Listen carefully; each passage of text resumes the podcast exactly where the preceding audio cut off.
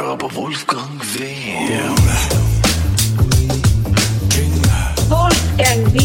Uncut.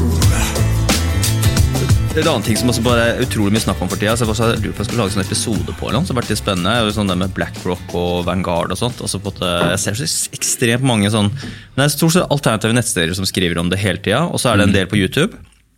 Og så er det sånn, jeg vet utrolig lite om BlackRock og hele på en måte, liksom, eh, myriaden nettverket av på en måte, hvem eier hvem, hvem eier bankene, hvem eier, altså, altså, og hele det her sånn narrativet at eh, BlackRock styrer verden. Og sånn, det bare sånn, Jeg har lyst til å liksom, dypdykke litt i det nede med folk som kan det. Altså, du, kan du noe særlig der? Nei, Jeg skal ikke altså jeg, kjenner jeg har jobbet uh, nesten ti år i finans før jeg ble gründer, um, så jeg, jeg kjenner jo til BlackRock, men, men jeg, har- ikke gått eh, ned i kaninhullet på akkurat de tingene der.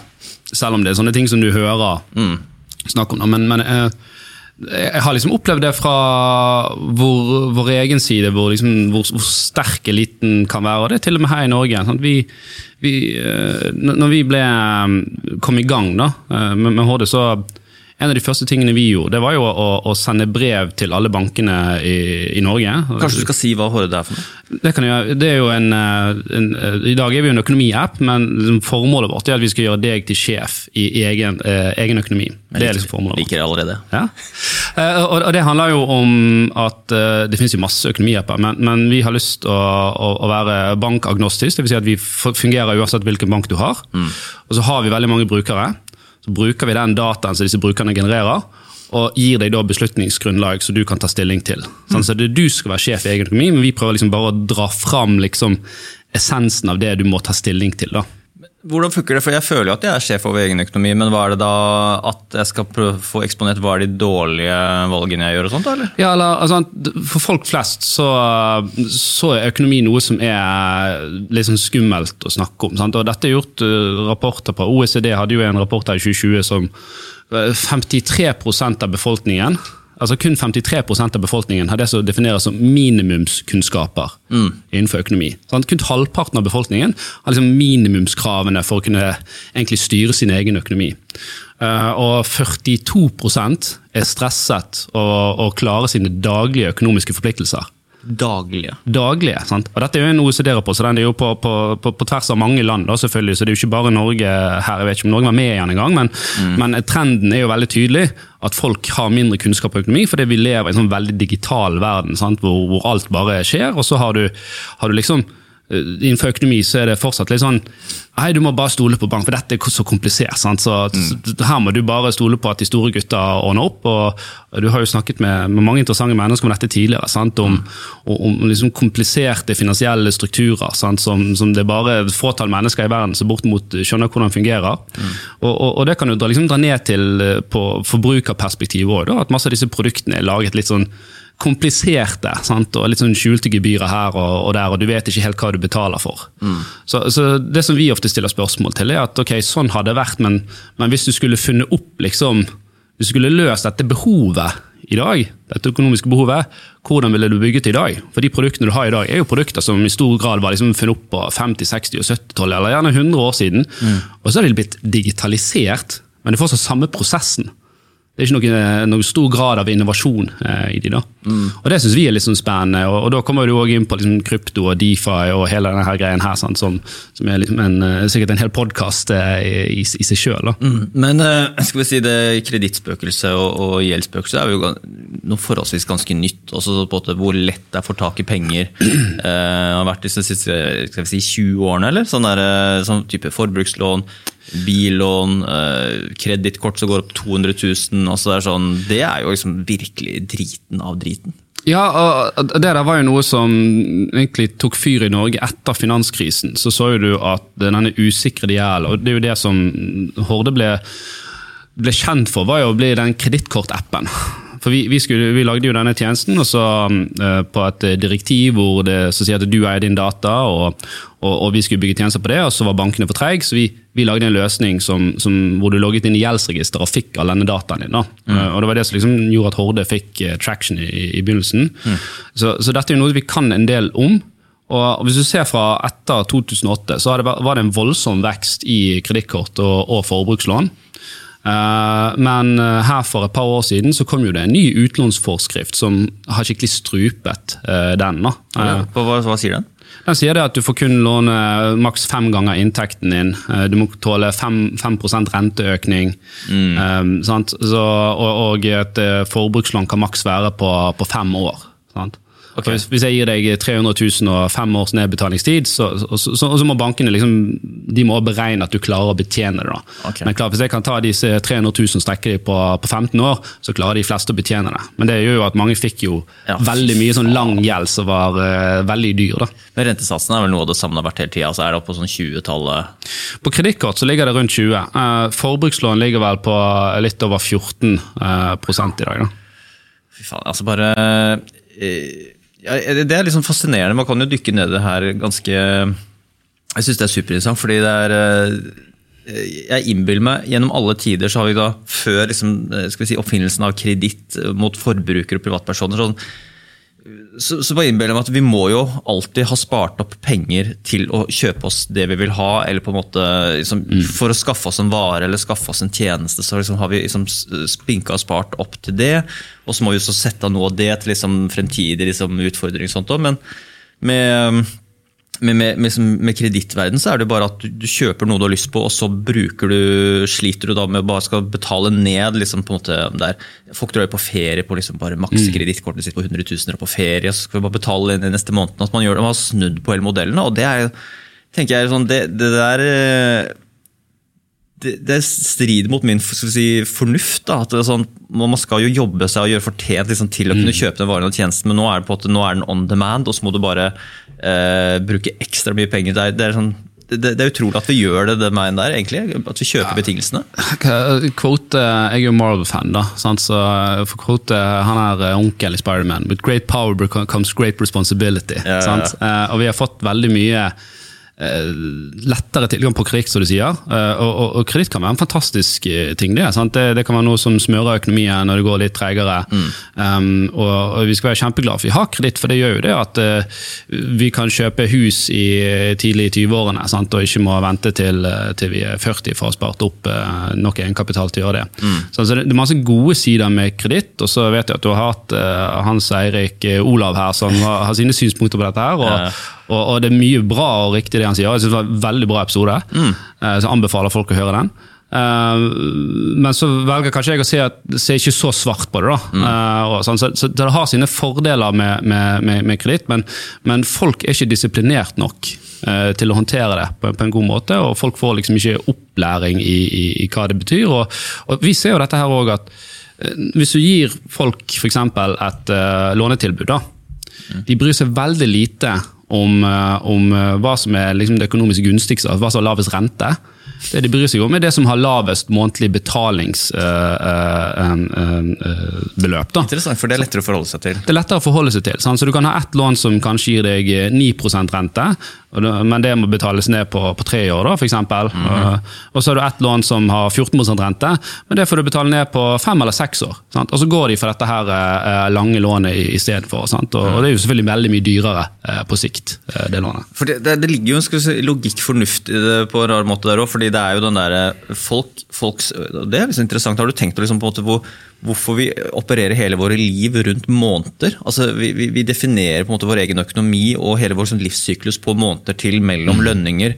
Og det definerer jo bare det, det du sa nå, bare definerer jo det valget man gjør av at på en måte, ok, jeg vet at jeg har 20 000 kommer inn på konto, og da har jeg råd til å betale 5000 kroner i måneden. Da kan jeg kjøpe den beste, det er den beste bilen jeg kan få for 5000 kroner i måneden over samme hvor mange år det er.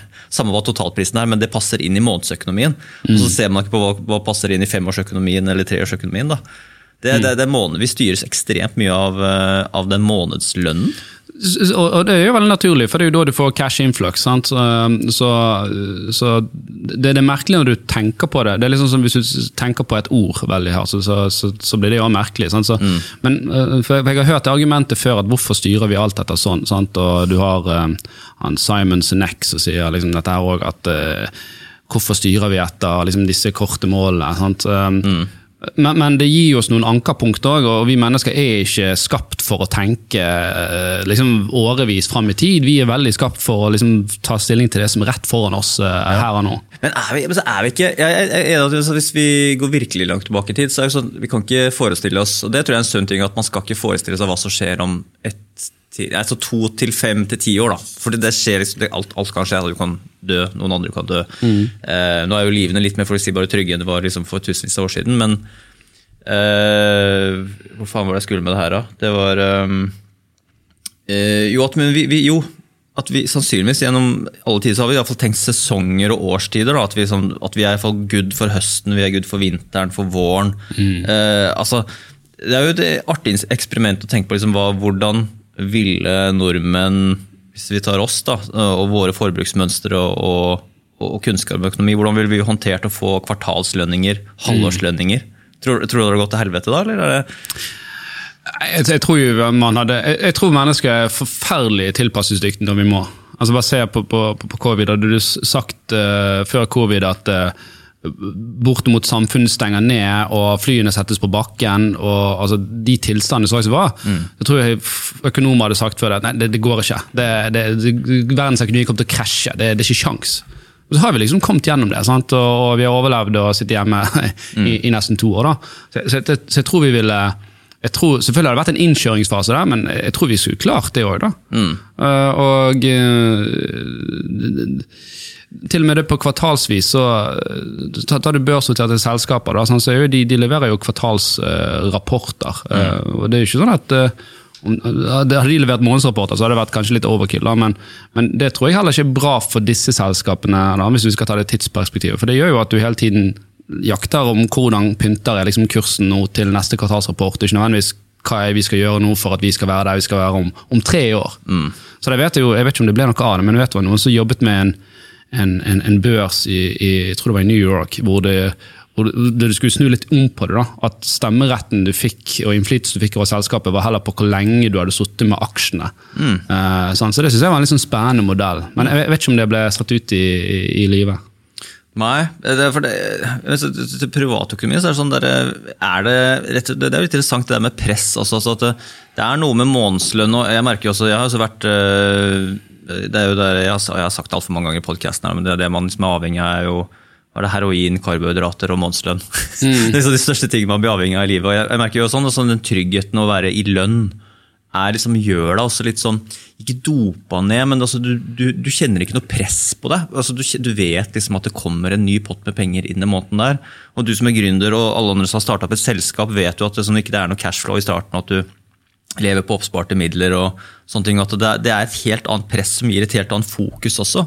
Eh, At liksom, La oss hvis man hadde gjort om på lønnssystemet på, på en annen måte, ville det at folk også da eh, naturlig ville satt av eh, penger og, og disponerte bedre, eller ville det gått ja, rett og slett totalt rett til helvete at man bruker sånn, spesielt tenåringer og 20-åringer bare går ut og kjøper jakker og klær, og så er det ingen penger igjen. Men så er det jo en lærdom i det òg. At liksom, ok, neste sesong skal jeg iallfall Jeg, jeg tror veldig mange i samfunnet har hatt problemer med å være disiplinert nok til å få kvartalslønn, eller, eller, eller årslønn, det ville gjort det. Ellers hadde du fått uh, ut hele årslønnen din uh, i, i, i begynnelsen av året.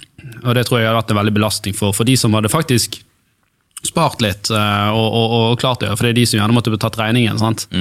Så, um, så jeg, jeg jeg har ikke noe forslag til en bedre metode enn det vi har i dag. Eh, og og da, da aksepterer jeg liksom den løsningen vi har i dag med, med månedslønn. Det handler vel også om oppsigelse også, at du kan jo ikke få en årslønn eh, rett ut hvis det er som tre måneders oppsigelse. Da blir det bare kluss med å betale tilbake penger. Eh, yes. bare rot. Ja, ja, sant? Det, det hadde jo, folk hadde jo vært sikkert skyldt hundrevis av tusen til arbeidsgiveren sin. For de hadde, det er klart at Hvis folk hadde fått sånn, så hadde de gått ut og, og kjøpt seg en bil og så hadde de regnet på det sånn fiktivt budsjett og sagt ja, men dette, dette går. sant? Og så hadde realiteten ikke vært eh, sånn. da. Men hva var det dere får mest inn? altså på en måte øh, øh, Meldinger og ting som når dere får feedback på, på podkasten deres. Er det, er det hvordan Er det på en måte investeringsbiten av, eller rett og slett bare hvordan faen får jeg bedre økonomi, eller hvordan kan jeg tyne økonomien enda mer til liksom få fetere bil og sunnere forbruksmønster? og Ja, Det er veldig lite hvordan kan jeg få fetere bil, nødvendigvis. da. Eh, jeg har en god kompis som er, er veldig god på dette med biler. og, og han, han, han har sikkert fire biler i året. så Han kjøper og selger, og, og så får han en god deal. og Så skaffer han tolv kompiser, og så kjøper de da for forhandleren, og så får de 50 000 i rabatt, sant? og så selger han den fire måneder etterpå. Mm. Uh, uh, så vi hadde en episode med han som, som var, var litt populær, men det er jo voldsomt styr å måtte leve sånn. sant? Og jeg bare tenker det, Uff med å vaske bilen hver fjerde måned for å selge den. Det det jeg tenkte på. Ja. Uh, men uh, de- vanligste spørsmålene vi får, er jo uh, gjerne rundt investeringer, eller helt sånn elementære uh, dagligdagse økonomiting. Om det har vært om forsikringer eller om boliglån. Bør jeg kjøpe bolig nå? Eh, sant? Og, det er jo mange sånne misforståelser der ute. Sånn, nå når styringsrenten ble, ble satt opp, så så var det jo masse kommentarer at sånne, åh, de jævla politikerne som driver og setter opp renten bare for å grafse til seg mer. Sant? Men det er jo ikke politikerne som setter opp renten, det er jo sentralbanken. det er jo, Sentralbanken skal jo være et ikke-politisk organ sant, som gjør dette for, for, for å på en måte kontrollere inflasjonen. Da. Sant? Og, og det er jo denne eh, John Maynard Keynes eh, tankegangen om dette her. Sant? Og så kan vi mene hva vi vil om det er bra eller dårlig, men det er i hvert fall det systemet vi har nå. Uh, og, og da må vi liksom bare ok, akseptere det. da, og så må du, Det, det er derfor du har hatt denne her eh, fem, fem ganger fem-regelen som går på at, uh, at tilsynet har sagt at hvis banken skal gi deg lån, så skal banken uh, se at du klarer å betjene det lånet dersom renten øker eh, med 5 Ikke sant? og så har jo bankene hatt sine modeller for å beregne dette. her. da. Og Det er jo ofte noe som heter SIFO-budsjettet, som er et statistisk budsjett som hva, hva du, Det er vel nesten en slags form for minimumsbudsjett, for jeg tror ikke folk lever utrolig fett på et SIFO-budsjett. Men når banken legger til rette for den, så kan jo de få det til å liksom se ut som at eh, ja, nei, du, du klarer dette her, gitt SIFO-budsjettet. Men i realiteten så bruker du kanskje 50 eh, mer enn SIFO-budsjettet i dag. Så, så jeg tror det at eh, skulle man satt opp renten 5% så ville veldig mange fått det eh, utrolig kjipt. altså. Men er det ikke allerede nå, da?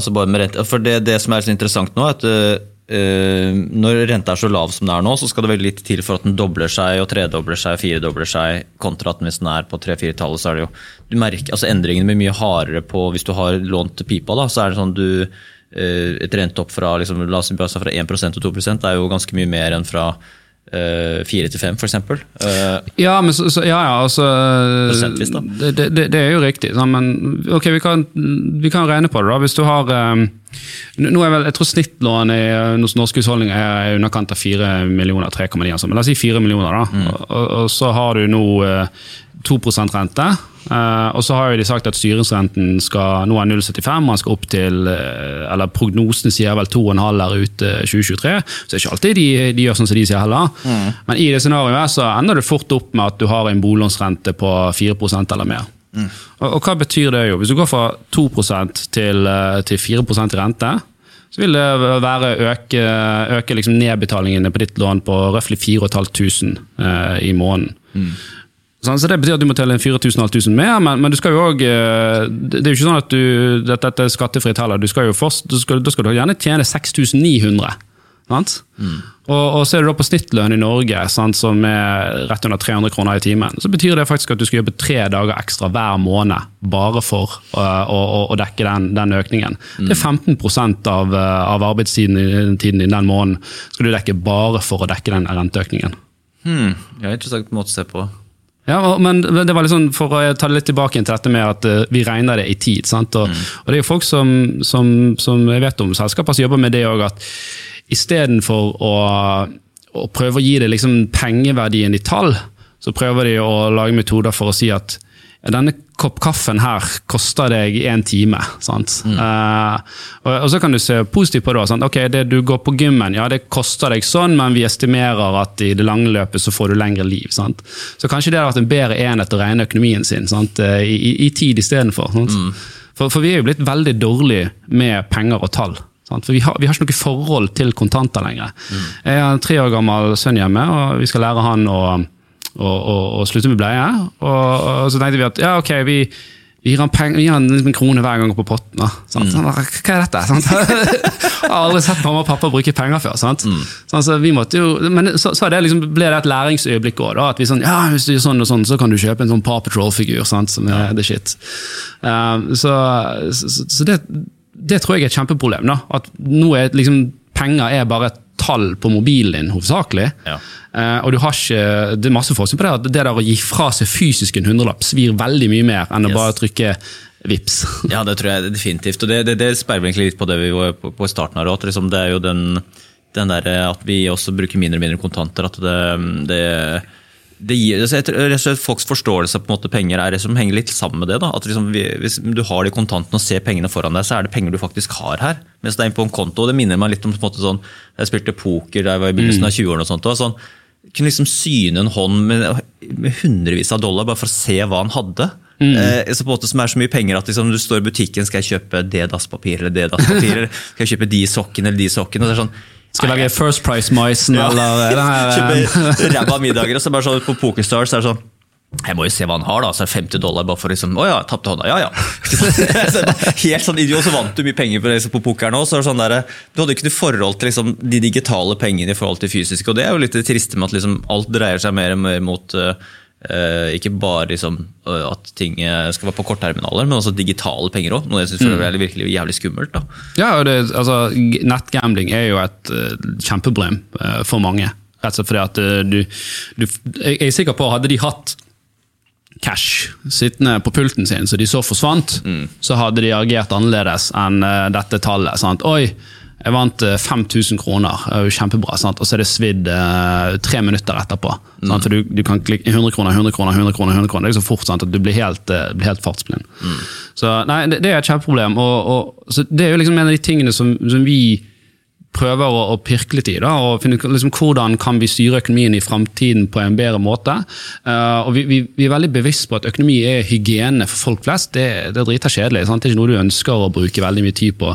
Jeg tror ikke løsningen er at du skal tvinge folk tilbake på skolebenken. Til en viss grad så må du gjerne det, men men nå er vi kommet så langt i samfunnet at vi er så digitaliserte at vi, vi bør heller bruke Jeg tror ikke vi går tilbake. Jeg tror ikke vi liksom sier nei, nå skal vi begynne med bare kontanter igjen. Så nå må vi heller si at ok, sånn er realiteten i dag. Hva er det vi da kan, kan gjøre for å bygge verktøy for forbrukere, slik at de ikke kommer i den situasjonen? Og, og, og Det var jo liksom formålet med Horde. Altså Grunnen til at vi heter Horde, er jo fordi at vi er en horde med forbrukere. Sant? Og så, vi da, så, så det vi gjør nå, er at vi, vi, nå har vi nærmere 200 000 brukere. sant? Så bruker vi den dataen som disse genererer, og så sier vi da at ok, i forhold til andre som har samme livssituasjon for det som deg, så ser vi at du kan ta disse valgene liksom, for å forbedre din økonomi. Eksempler, eller? Eh, For eksempel, ok, du bor i Oslo, du har én bil og et hus og hytte på, på fjellet. I forhold til andre eh, med tilsvarende profil, eh, så betaler eh, 83% mindre på forsikring enn deg, så, så her, dette er noe du bør sjekke opp i. Mm. Ja. Og så får du sånt, altså det, det er helt objektiv data. Du får bare vite at sånn ligger du an i forhold til andre som har samme livssituasjon. Og så må du liksom ta litt sånn stilling til ja, men jeg har jo et hus som jeg vet er brannfarlig, som forsikringsselskapet syns er dyrt, og jeg har en Porsche i garasjen, så jeg, jeg forstår hvorfor jeg betaler mer enn andre. Men hvis du ikke skjønner det, så bør jo det være et, tegn på at liksom, dette er noe du bør tak i. Men, men, men der vi ønsker å komme, er jo der at du kan Eh, Hei, Horde. Eh, har jeg råd til å gå på byen i helgen? Sant? Eller kan jeg, eh, har jeg råd til å kjøpe denne buksen her? Du har 50 000 i kreditt, det går fint. Ja, ja.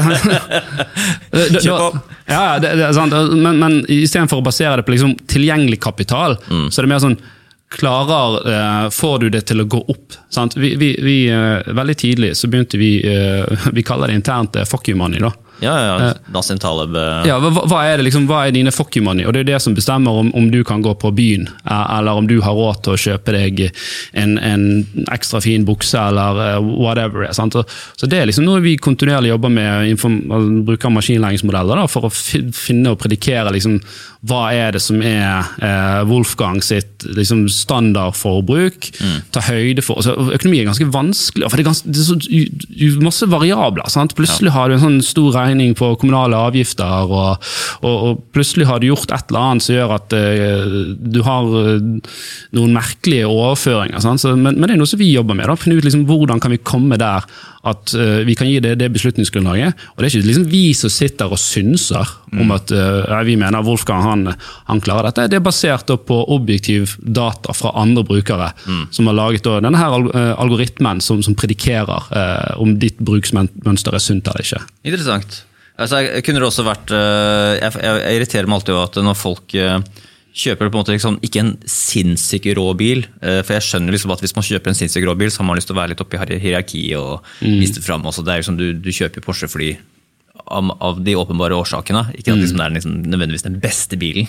Men eh, som for eksempel, hvis du går litt, litt lenger ned på sjiktet, da, så for eksempel, sagt sånn, hvorfor kjøper folk Skoda Superb hvis de, med et maks billån? Kan du ikke bare kjøpe en Skoda Octavia som er litt billigere, og ikke ha så mye lån? Altså, det er et eller annet det er litt sånn som du sa i sted, altså, sånn der at man, man søker liksom på en måte det, hvor mye kan jeg tillate meg, eller sånn, hvor fett opp i bilhierarkiet på modeller kan jeg gå i forhold til månedsbetaling, hva har jeg liksom av rom i den lille lomma av økonomien min, liksom, på en måte, kan jeg betale ekstra i måneden for å liksom, få Superben istedenfor Octavian, så er det sånn, det, vi, vi, vi, trekkes og på en måte gjelder mot hva, er liksom den ypperste modellen vi faktisk har råd til innenfor budsjettet vårt, istedenfor liksom den, den forbruksgaloppen for får oss å gå helt maniac. da. Ja, det, det, det, det kan jo være litt interesse også. Det, er jo enda en ting som du må ta høyde for. Eh, Hvis du er veldig bilinteressert, det betyr veldig mye for deg å ha den litt fetere bilen, Mm, Men det er derfor ta Skoda-eksempelet. for Hvis Ja. du har Skoda Superbe og Octavia, så er du sannsynligvis ikke så veldig bilinteressert. Da har du, da er du småbarnsforeldre et eller annet sånt som på en måte Ja, ikke, det, er ikke og, en og, fet og bil. da er det jo veldig, mange, da er det jo veldig flinke folk i, i Skoda sant, som vet hvordan de skal prise akkurat dette. for at eh, sant, du, du har jo, eh, Hvis du går på eh, dette med prisstrategi hos selskaper, sant, så har du jo dette her med forankring og, og lokke, lokke, ikke, ikke lokkepriser, men men, eh, men, men lokkemodeller. Sant? At, mm. altså, veldig enkelt eksempel er at hvis du går på, på kino, sant? og så er det tre typer popkorn der. Og så er det helt tydelig at det lønner ikke seg å kjøpe medium, sant? for du får så mye mer. Sant? Altså, den, men den medium den vet de at de ikke selger, men de vet at de får pushet deg over til å kjøpe den maks. Ja. Så, så det er jo litt sånne type ting, og innenfor bil òg, at disse modellene er bygget sånn at eh, ja, men hvis du legger i litt til, sant? så får du alt dette her flotte her, eh, og så kostnaden for de er jo sikkert veldig marginal, men de tjener veldig mye mer på en premiummodell enn en, en den andre. da. Sånn, så så, så du, du, du, og du handler bil kanskje en gang hvert femte eller tiende år, sant? så klart at de i bilbutikken, de som selger biler hver dag, de, de, de har kontroll på deg. sant? Ja. Så, men, men ja, det, er et veldig godt poeng. Uh, hvorfor skal man ha en Jeg, jeg kjører rundt i en eh, Volkswagen Passat 2018-modell som er bulket uh, døren på, sånn for uh, hele siden ble bulket her. eh, Ikke av meg. uh? Men, men, men jeg, jeg har et veldig sånn jeg har vært der når jeg, jeg, eh, jeg har kjøpt, jeg kjøpt ny bil en gang i mitt liv, og da var jeg litt sånn, åh, nå er litt bilinteressert, og så varte det en måned. Sant? Nå, er sånn, nå er det, det er en forbruksvare for meg. Jeg kunne tatt spaden liksom, og skrapt av panseret hvis det var snø. Sant? Så, så nei, det Kahneman har vel et sånt kapittel der, eller en paragraf i den der Tenke fort og sakte eh, Ja. eh, om bil måte, hvor, eh, De har altså gjort studier på hvor lenge liksom, det er stas å ha en ny bil, og den kurven detter så jævlig fort.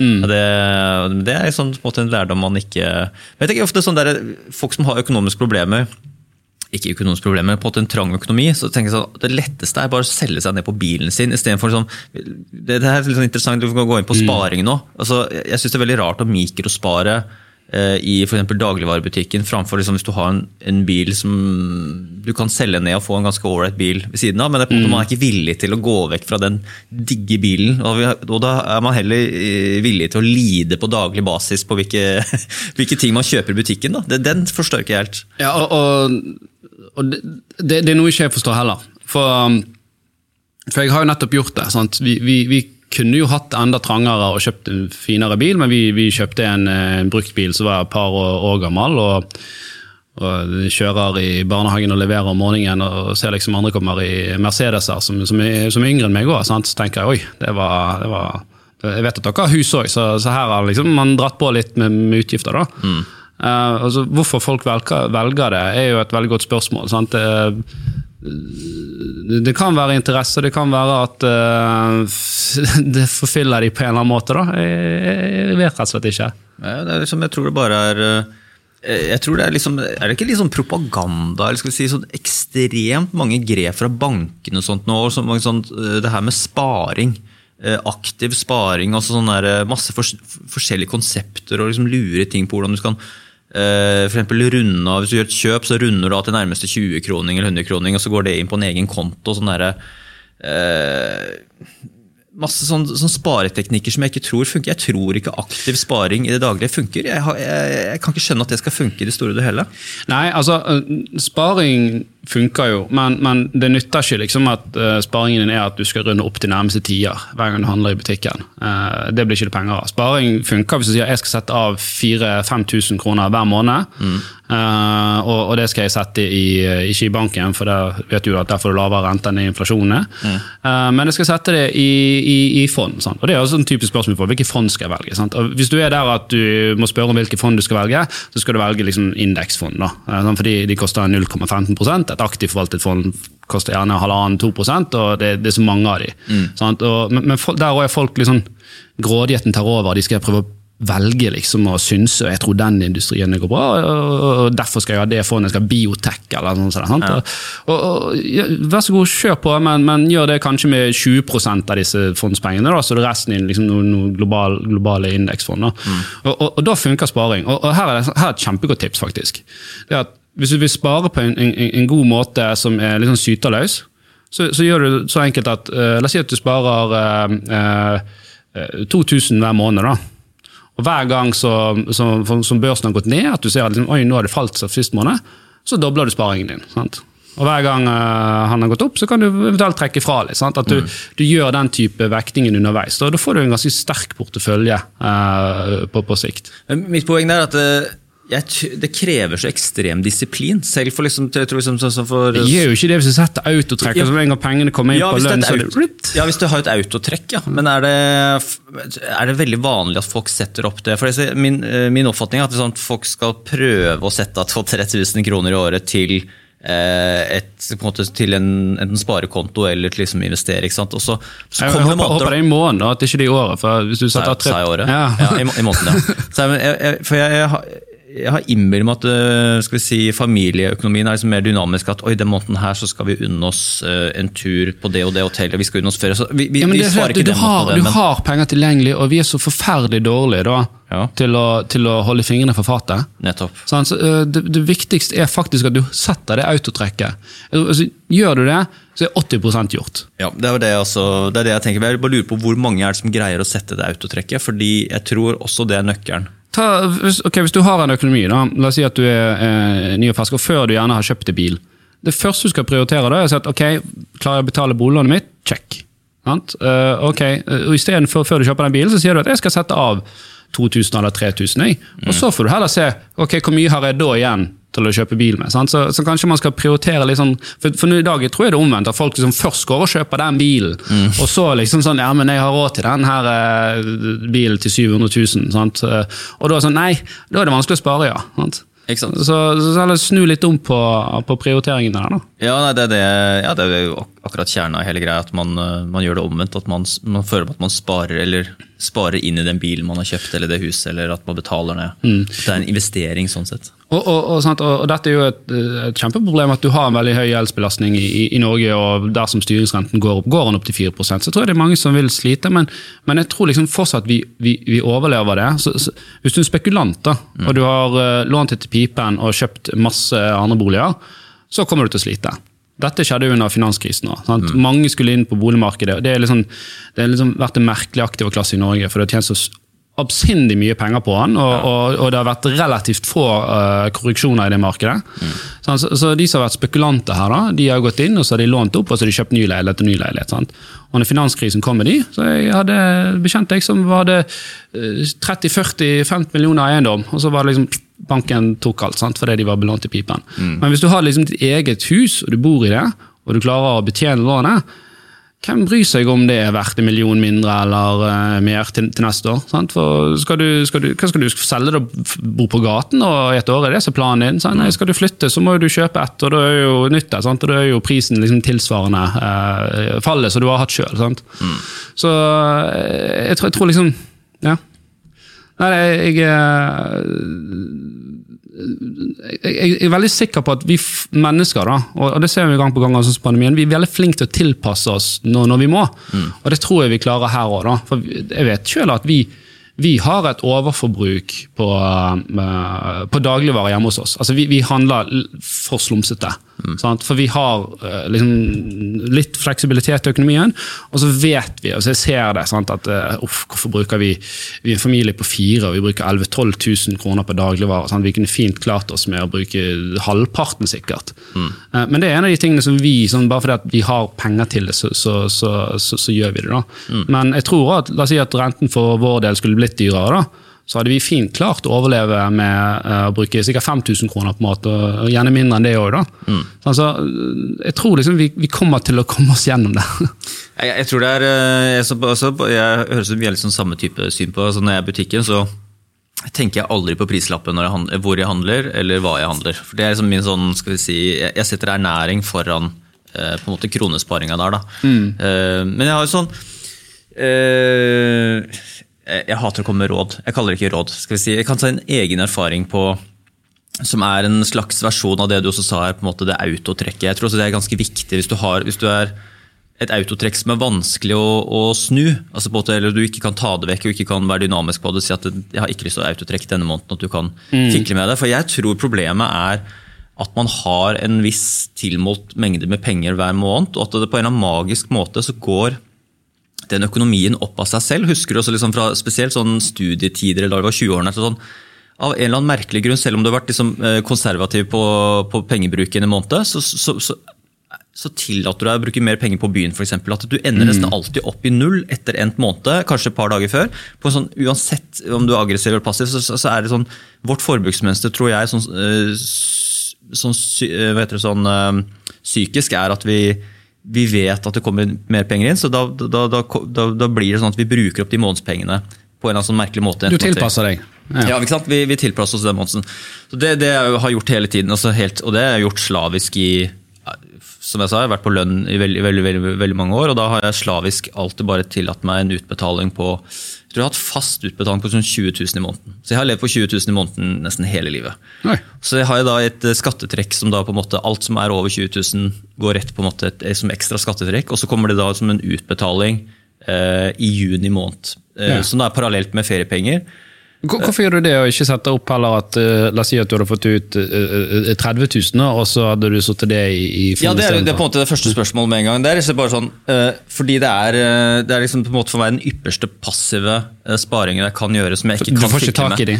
Altså på en måte det, det står der, og på en måte det tvinger meg til å leve et liv som på en måte reflekterer 20 000 kroner i måneden. da. Så Mm. hvis jeg, skulle sikkert greid å håndtere hvis jeg hadde et autotrekk og inn på, en måte, på smarte investeringer, for du får jo ikke noe jeg tror det er, jeg tror ikke det er, jeg tror det er skal vi si, minste rente, altså, for det er jo staten som sitter på disse ekstra Ja, skattebetalte. så det, det er ikke noe det er ikke Forferdelig dårlig investeringsstrategi. er, ja, det er det ikke så på men altså, det er, samtidig så er det også gevinsten at de pengene er ikke tilgjengelige der. og det, de er... Men, de, men du får jo det ut en gang i året. sant? Altså, Yes. Hva gjør du da? Brenner du de?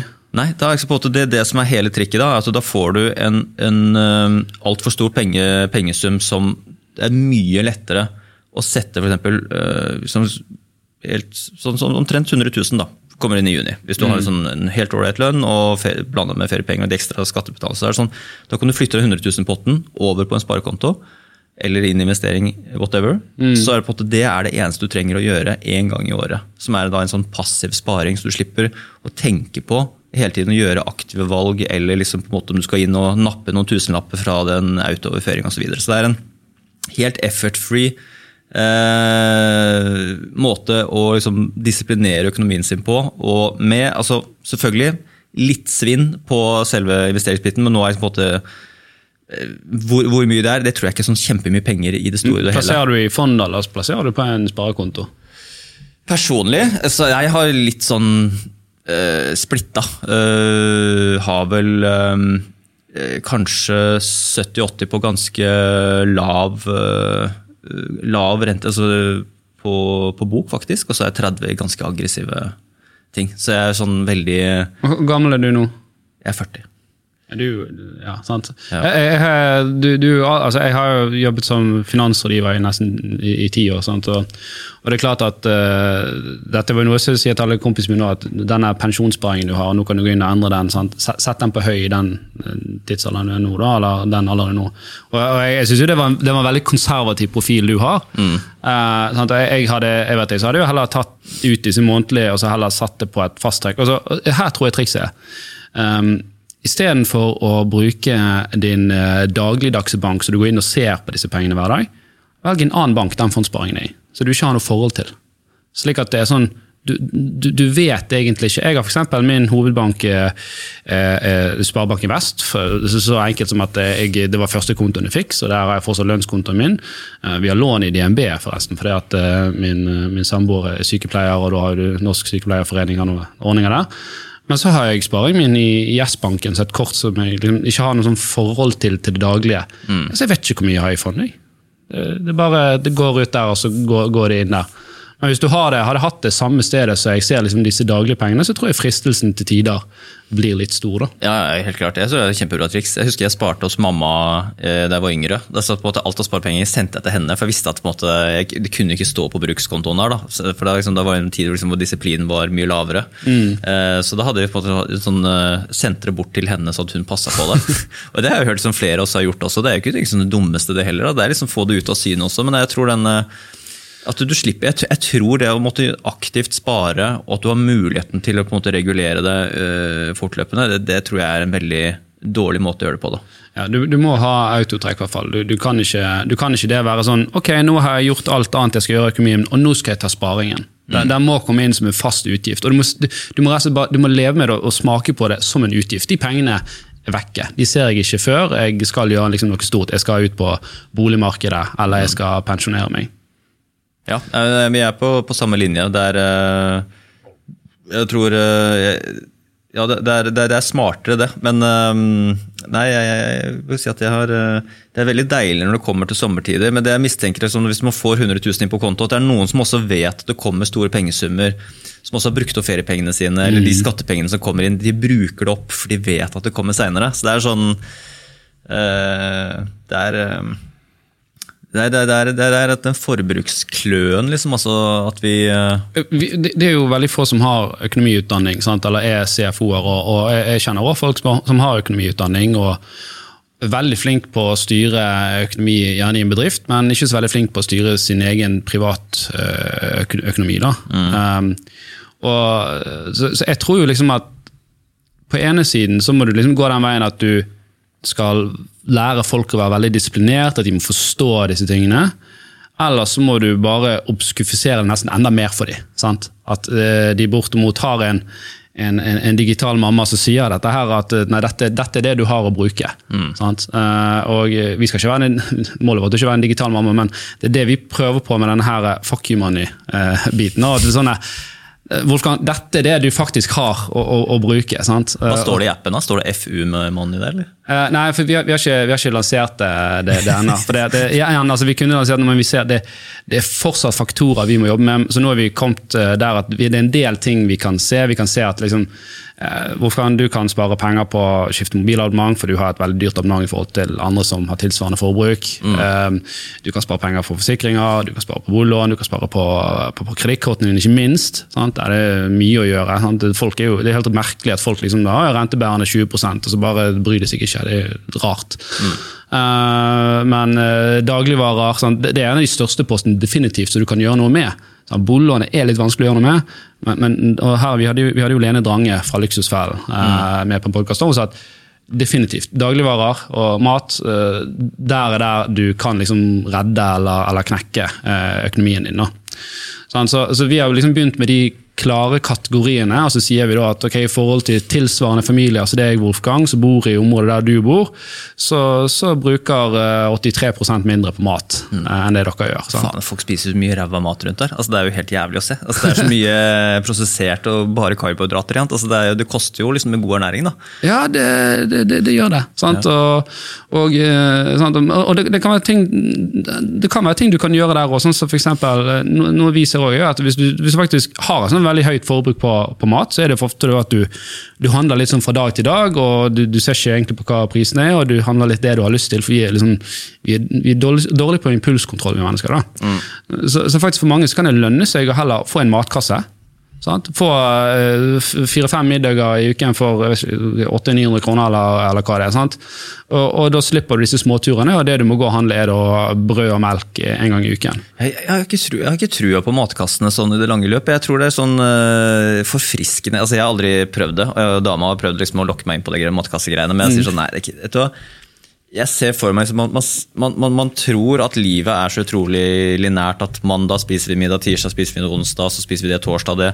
Når du merker du er småbarnsforeldre og har, jo flere barn du har, så er det sånn Plutselig en dagen så spiser du middag alene, og så er det så spiser du middag hos noen andre den dagen. og så er det sånn, skal noen, altså på, på toppen av det hele, at kanskje det er noen middager som står igjen og ikke blir brukt, og så blir det faen, hvordan skal jeg spise Nei, den jo, du, har, middagen? du har jo råvarene. sant? Vi, vi har gjort dette her i, i en lang periode nå, og, og vi kjente litt på det samme. Men så Du kan jobbe liksom mye fleksibilitet inn der. da, at eh, Ok, eh, nå er jeg, eh, nå, jeg reiste til Oslo i går, så da var ikke jeg eh, hjemme. Sant? Så da må de ordne seg sjøl. Men ok, da er det en porsjon ekstra, da. Men eh, da er det om, om det er lunsj i dag, da. Sant? Eller om det er ofte er det at vi tar en middag i helgen istedenfor. da, sant? Og, og, og ofte tar vi kanskje råvarene der, at om du hadde fått kylling eller noe sånt, så sier vi nei, vi orker ikke å lage den her eh, 45 minutters-retten her eh, som vi egentlig skulle lage i dag. Så vi tar bare og, og, gjør noe litt, litt enklere med det. Det er liksom, Vi blir diktert også hva du skal spise. Den, er- den sitter langt inne for meg. Da. Nei, men du har jo Er vi- sånn, vi- du, du får en sånn meny at du må sette opp uh, Ja, det, vi, vi, du har kylling har en på mandag og vi. tirsdag. Ja, vi har en app, vi. Så kan vi masse, masse å velge mellom. Du kan styre unna kylling og svin hvis du vil og sånt, Bare ha, Ja, ja, sånn biff hele uka. det, det kan du sikkert gjøre. Kan det? Men ja, det, jeg ikke testa. Vi, vi, er liksom, vi, vi, vi spiser alt. da, og Det, det, Mm. det er noe som jeg syns er, er liksom veldig godt. da, eh, og at, at Jeg er sånn, jeg er ikke veldig kresen på, på mat. Jeg syns all mat er, er god. uh, så, så, så da eh, jeg, jeg er ikke så liksom, Det er ikke viktig for meg hvilken middag vi har, så ofte så la bare la hun, hun, hun velge det. da. Mm. Og hun er veldig mye flinkere å lage mat uh, enn det jeg er. Eh, Hva lager du for når du skal, lage, når du skal briljere på kjøkkenet? Hva lager du da? Jeg hadde faktisk uh, eh, en kompisgjeng på, på besøk her på lørdag. Eh, og, og han ene, eh, Torstein, han i podkasten, han er jo i Multicon. Han, han, liksom, han har vært alt fra bort isbjørnvakt på, på Svalbard til eh, kokk for kongen, og så en finansutdanning, og i dag i Horde. Sant? Så han er sånn, han har levd mange liv. Eh, så han har jo faktisk vært kokk. da, så Han hadde meg og en kompis på besøk her eh, for eh, en måned siden. Og, og lagde jo veldig god mat. da, Og så var det min tur nå, da, og, og, og det, det kjente jeg hadde nerver for. For jeg, jeg er ikke liksom eh, kløffer på dette her. Sant? Men, men jeg liker å gjøre ting bra, da. Ja. Sant? Så jeg måtte liksom gjøre en skikkelig innsats. Og jeg, jeg har ikke den ganen som han har. Men, men jeg er ganske flink liksom, til å følge ting. Da, sånt, Og, og liksom planlegge og drive prosesser gjennom. Ja. Så, så jeg måtte plan... prosjektleder på det eget kjøkken. Ja, ja, ja? Så, så jeg kjøpte jo da litt sånn, litt, kanskje litt finere kjøtt enn det som var nødvendig for å marinere det, men sånn bare for å helgradere det. Sånn, for kjøper du bra kjøtt, så, så er mye gjort av seg sjøl. Um, og, og, og lagde da egen marinade. Sant? Og bare det huk- kutte opp løk og sånn. Så. Jeg brukte jo sikkert en time på å lage den marinaden, noe som en, liksom en kokk hadde brukt ti minutter på. Sant?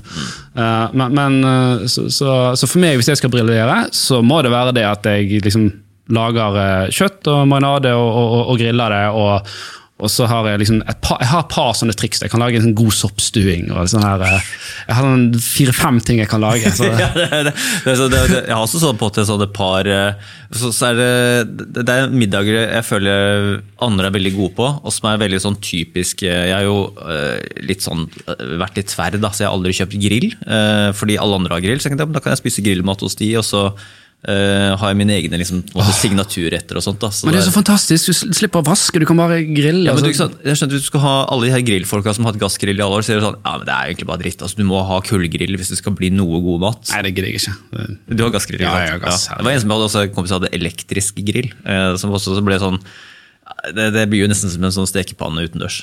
Ja, det, det, Dette var første gang jeg brukte den nå i helgen. Sant? og det eneste jeg måtte gjøre, jeg, jeg tok hele ned på, på, på bak huset og så spilte jeg med høytrykksspiller på, fra, fra i fjor. og så var det liksom bare å få det opp og få gassen på, og så ja, ja. brenne det opp litt, sant? og så hive kjøttet på. Det er hyggelig på sommeren, da, men er, så, som mann så er det viktig å ha liksom et par retter du liksom kan virkelig bare briljere med. Men er, eh, jeg synes det er litt sånn eh, mine to spesialiteter. Er sånn, jeg, jeg har en sånn filosofi når jeg inviterer til sånne store ting eh, hjemme. så er det sånn da vil jeg gjerne Det har jeg funnet ut at hvis, hvis jeg lager for komplisert, så blir jeg stående ved kjøkkenet over grytene hele kvelden. Mm. Og gjerne liksom på jævlig mye vaske opp eller jævlig mye styr. Så jeg har funnet ut at sånn måte, det er ikke liksom det mest, mest feinschmecker å lage gryter, men uh, når det kommer til hvit bacalao og øh, oksehalesuppe Det er, Ah. måte det, det er mine to liksom, go to-greier. For det, det, er sånn, det er veldig bra festmat. og så slipper jeg å stå på kjøkkenet hele altså idet gjestene kommer, eksempel, og, og, sitte, og kan sitte med gjestene. Da. Og det, det er egentlig viktigere enn på en måte om liksom, hvis du har en fire-fem-retter hvor du egentlig må stå og dandere og jobbe hele jævla kvelden. så er det sånn da da er, jo, da er du ikke med på festen, da. Ja, nei, jeg, jeg er helt enig. Og jeg, jeg, var, jeg var stresset når jeg hadde disse på besøk, for det var så uvant for meg. sant? Uh, så jeg, løp jo rundt som et hodeløs høns der sant? og sa jo så vidt hei til gjestene når, når de kom. sant? Eh, eh, men men der, det, det, der er det noen sånne triks man kan gjøre. Sånn, så jeg, jeg gjorde jo forretten veldig enkelt. At jeg kjøpte liksom salmalaks. Kuttet det opp, og så hadde jeg laget en sånn her eh, ja, olje og sitron og litt kapers og, og ingefær. og Snadder. Danderte det og bare helt over. og Vær så god, litt balsamico på tallerkenen. Igjen, her må jeg innrømme at det var Torstein som hjalp meg. da. uh, men det, det så jo kjempefancy ut. sant? Ja, ja, ja. og, og kjempelett, og, og lite oppvask. Og, Ja, det er jo helt perfekt. Det er, eh, det skal koste, så, jeg er så veldig sånn fan at Hvis man inviterer til ting, så skal man også spandere alt. Det er sånn der, det er sånn, jeg har fått sånn middelalder, eller skal si viking, eller sånn historisk tradisjon på det. at liksom, når man inviterte til liksom store middager og selskaper Før i tiden så var det sånn kongens hird kom på besøk, og sånn, så satte de bare seg inn på den gården der, så spiste de og drakk. liksom. Og Da var det jo liksom eh, uansett hvor man kom med da, så var det sånn den verten skulle da øh, være den som byr på, liksom, og øh, spør ikke om betaling, men liksom, gjestene skal få det de vil ha. og liksom, at Man øh, tar ikke noe betaling. så er det veldig sånn, Hvis jeg først inviterer hjem, så skal det være, liksom, være drikke og mat. og liksom, Ingen skal trenge å måtte ta med noe. Det er ja. sånn... Uh... jeg, jeg, jeg er helt enig med deg. og jeg... Um det, det, for meg er det veldig mye viktigere å bruke penger på andre enn meg sjøl. Det høres sånn rart ut. da. Um, eller det, det er sikkert ikke rart, men, men så jeg husker for eksempel, Første gangen jeg, eh, jeg jobbet i finans tidligere, og første bonusen jeg fikk, det var noe av det første jeg gjorde, og, og da, var jo jeg i midten av 20-årene. sant, og og eh, Da hadde jeg en sånn kveld hvor jeg da inviterte hele kompisgjengen. Mm. jeg, hadde sånt, eh, jeg hadde bygget et pokerrom eh, nede i, i, i kjelleren. Og, og fulgte opp kjøleskapet med øl og bestilte pizza, liksom. og, og sant, ikke, liksom det var ikke, det var ikke jeg, jeg tror ikke jeg sa til de at jeg hadde fått bonus, eller noe sånt, det var, det var liksom ikke forferdelig, men bare sånn vise liksom rausheten i det. da. Ja. Eh, og, og det var liksom, ga meg veldig mye glede å å- å kunne, kunne liksom by på kompisgjengen uh, dette her. Ja. Uh, eller om jeg har ja. Det viser jo at du er en stor kar. Altså, jeg mener, hvis, man, altså, hvis man inviterer masse mennesker hjem til seg selv og vil være storkar, eh, så må man også være det. Liksom, det, det sånn, og da må, man, da må man kjøre på. Ja, og, og, Det og- koster. Det, det koster, og, og så, så det, kan, det kan ha sine negative sider òg. Så, så man skal liksom være eh, storkar kar med, med måte, da. Mm. Det, det kan ikke være sånn at du skal gå ut eh, hver kveld og så skal du spandere på hele baren. Nei, Sant? nei, nei, det er jo noe annet. på at sånn, Når man drar ut på byen, så er det mye mer sånn solidarisk prosjekt. Altså kan man rive i en runde hvis man virkelig skal være sånn storkar på byen, men det er jo mer sånn man inviterer hjem til seg selv. Og det samme egentlig med bryllup. Det er altså reflektert over flere ganger. Nå har ikke jeg hatt noe svært bryllup, Eh, men det er altså sånn type ting at eh, tradisjonen liksom, å ha bryllup i Norge i senere tid, er at man gjerne drar til steder som er eh, jævlig kostbare, og så har man egentlig ikke man, man arrangerer bryllup som man selv egentlig ikke har råd til å arrangere. Mm. man, tar, liksom, man skal gjøre det så storslaget at man har faktisk ikke råd til å spandere alkohol på gjestene, eller overnatting. altså Gjester må betale flyturen selv, eh, overnatting selv, du må betale alkoholen selv. ikke sant? Altså, så er sånn, men hvorfor dra på sånne sinnssyke steder hvis ikke du skal være liksom Jo kjempe, og du har det i Norge, det er jo kjempedyrt. Skal du, klart skal du ha 70 gjester. sant? Med, Du skal være storkar, og så har du ikke råd til å være storkar. ikke? Da, Ja. må du jo, på- sånn, da må du skalere ned og gjøre det enklere. da. Ja, og, ja, ja, og Det høres veldig lett ut, men, men hvem er det som ikke skal få komme? sant? Du må, ja, det er sånn, ja, må, enten, må enten må du kutte på gjestelisten, eller så må du kutte på ambisjonsnivået når det kommer til mat og drikke. og så gjør det enklere. da. Jo, men, ja, men øh, altså, la oss si at ikke, la oss si hvis du har øh, 60 det, det koster jo i hvert fall en tusenlapp per gjest. sant? Eh, med, med, du, du kan jo ikke servere de Grandiosa. sant? Det, Samtidig må du, så må du. Det men, men jeg er helt enig, og jeg, jeg er jo så gammel at jeg har jo vært gift og, og, og skilt én gang. og Første gangen så, så hadde vi et sånn tradisjonelt bryllup med, med masse gjester. og sånt, men, Ja. Og, og nå, nå er jeg forlovet, og Altså, det skjer igjen, altså. Det blir eh, Eh, ja, det, det, det skjer igjen. Og, og her la jeg liksom her gjør jeg litt sånn som hun ønsker, eh, da, men, men vi har snakket om det og faktisk gjøre det motsatte og si at kanskje vi heller bare drar vekk et sted. For da får du sånn eh, en, en sånn selektiv seleksjon, altså seleksjon av de som faktisk ønsker å være med òg. Hvis vi drar til uh, Italia, da, så sier vi at ja, hvis dere kommer ned her, så, så spanter vi mat, og kanskje vi spanter oppholdet, men, men flybillett og sånn må dere ordne sjøl. Ja. Uh, og da får du kanskje ikke at det kommer så mange, for det er ikke alle som har tid til å sette av det der eller vil betale flybilletten. flybillett. Du har et autotrekk på neste bryllup. Du, nå, liksom. du har et eget eh, Jeg, uff, jeg, jeg bygde jo hus og fikk eh, barn og tok en executive MBA i finansiell teknologi. eh, Og så valgte jeg å bli gründer. eh, sant? Og gikk fra å være partner i et kapitalforvaltningsfirma til å bli gründer. Oi. Så det var de første årene, og det er fortsatt hektisk, men de første årene var jo helt crazy når jeg hadde studie og barn og, og var midt i en husbyggingsprosess. Så, så økonomien vår er jo jo da, vi, vi, som sagt, vi, vi har liksom så vi klarer oss og vi bruker litt mye på mat, men vi har ikke sånn veldig sånn god økonomi. Sånn. Så det som vi må ofre, er at eh, vi, vi har ikke råd til å reise på sånn 50 000 kroners ferie. Eller, sånt. I, I fjor så var vi leide vi et hus med svigers i Kristiansand og var i Dyreparken. Kjempeflott. sant? Mm. men, men, men det er sånne ting som vi velger heller da å ha det litt mer bedre i hverdagen. Enn å, altså, selvfølgelig kan vi jo dra opp kredittkortene og reise, eh, men, men jeg jobber jo med dette til dagen, så jeg vet jo at den, den får du i ræven. Sant? Så, så vi har vært veldig sånn på pass, og selv om vi nå samarbeider med banker som tilbyr refinansiering og, og, og, og forbrukslån, så, så, så har vi liksom aldri vært den som sier 'reis i dag og betal i morgen'. Sant? Det er en mentalitet som ikke vi ønsker å stå for i, i det hele tatt. sant? Ja, jobb så svetten renner, og så kan du kanskje reise om fire-fem år. Ja, så, sånn, Gjør jeg fortjente det? så, sånn er det. Ja. Ja. Men eh, altså, har, du, har du noen sånn policy for deg selv at du um, har eh, eh, alltid sånn to-tre nå er vi på månedslønner igjen, da, på en måte, men en sånn, en sånn buffer som ligger klar liksom, for å hugge inn hvis det skjer noe? Eller er fondet på en måte den fondssparingen din, den, den delen? Nei, vi, vi, vi hadde i hvert fall en, buffer. Uh, og så har vi liksom hver vår fondssparing, så har vi gjort noen investeringer uh, nå da vi har tatt litt fra den. Og det er jo annet fordi at min, min samboer hun er jo eh, sykepleier på kreftavdelingen. og og, og Det er jo en fantastisk liksom, viktig jobb hun gjør, men, men, men klart at der er det nattskift, og, og, det, og det er veldig tøffe situasjoner. Sånn unge mennesker som kommer inn og har små barn sjøl. Og, og, og, og det er ikke alltid helt forenlig med småbarnslivet sjøl å måtte jobbe natt. Så, så hun har lyst nå å liksom videreutdanne seg i en, som spesialist, og, og da valgte vi å si ok, her er noen kurs hun kan ta. og Da, da så vi det best som en felles investering at, at vi tok en del fra bufferen for, for, for å dekke det, det, det kurset hennes. Og så kommer hun inn med, med litt sjøl. Så, så vi har fortsatt en sånn buffer, men men den har blitt spist en del av i det siste. Sant? Ikke bare pga. dette kurset, men strømregningen er jo plutselig tre-fire ganger dyrere enn den var. Ja, ja. så plutselig kommer kommunale avgifter på, på 8000 her. Sant? Og det er litt sånn Oi, faen, ja, den, ja. Så, så, men så, så går han ned, og så bygger vi han sakte og sikkert opp igjen. da.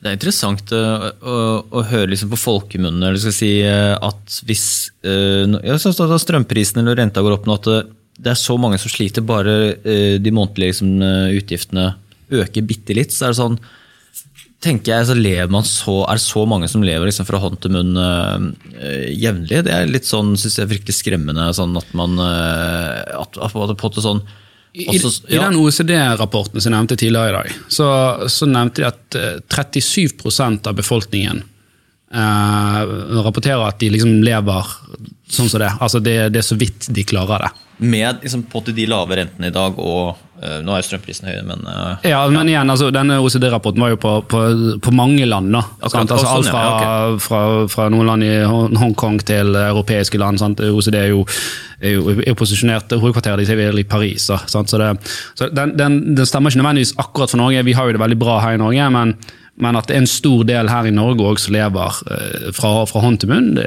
det er ikke det tvil om. Det, må jo være, det minner meg liksom litt mer om sånn eh, 20-årene, på en hvor, eh, eh, hvor økonomien bare var sånn flytende, at det ikke var noe bekymring. at det var liksom ikke noe, Jeg, jeg, jeg, var veldig dårlig til liksom å se fram i tid. Altså, jeg er jo beundrer liksom tenåringer og 20-åringer nå som liksom bare sånn setter av penger, sparer, investerer. og bare sånn, helvete altså, Hva liksom var de menneskene her lagd av? i forhold til hva sånn, jeg, jeg, jeg så meg liksom ikke, jeg var økonomisk bevisst, men var sånn, det var ikke et, på en måte et, øh, et, fremtidig spill i meg. For meg var det liksom bare et slags verktøy for å gjøre de tingene jeg hadde lyst til å gjøre. Og så øh, merker jeg med en gang at og da var det liksom, på en måte, levde jeg liksom på kreditt også. Kunne liksom finne, liksom, spille, mye på nett og poker.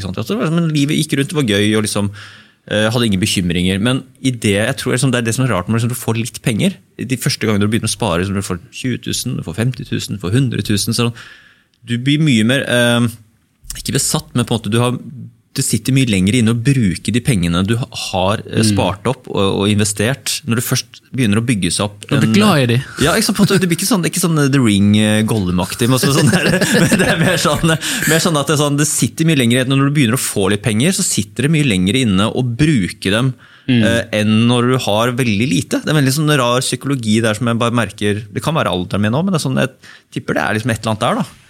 Det, det tror jeg du har helt, eh, helt rett i. Eh, og, og jeg tror det ikke bare med at du har fått mer penger, jeg tror det er det at du er mer moden i sinnet òg.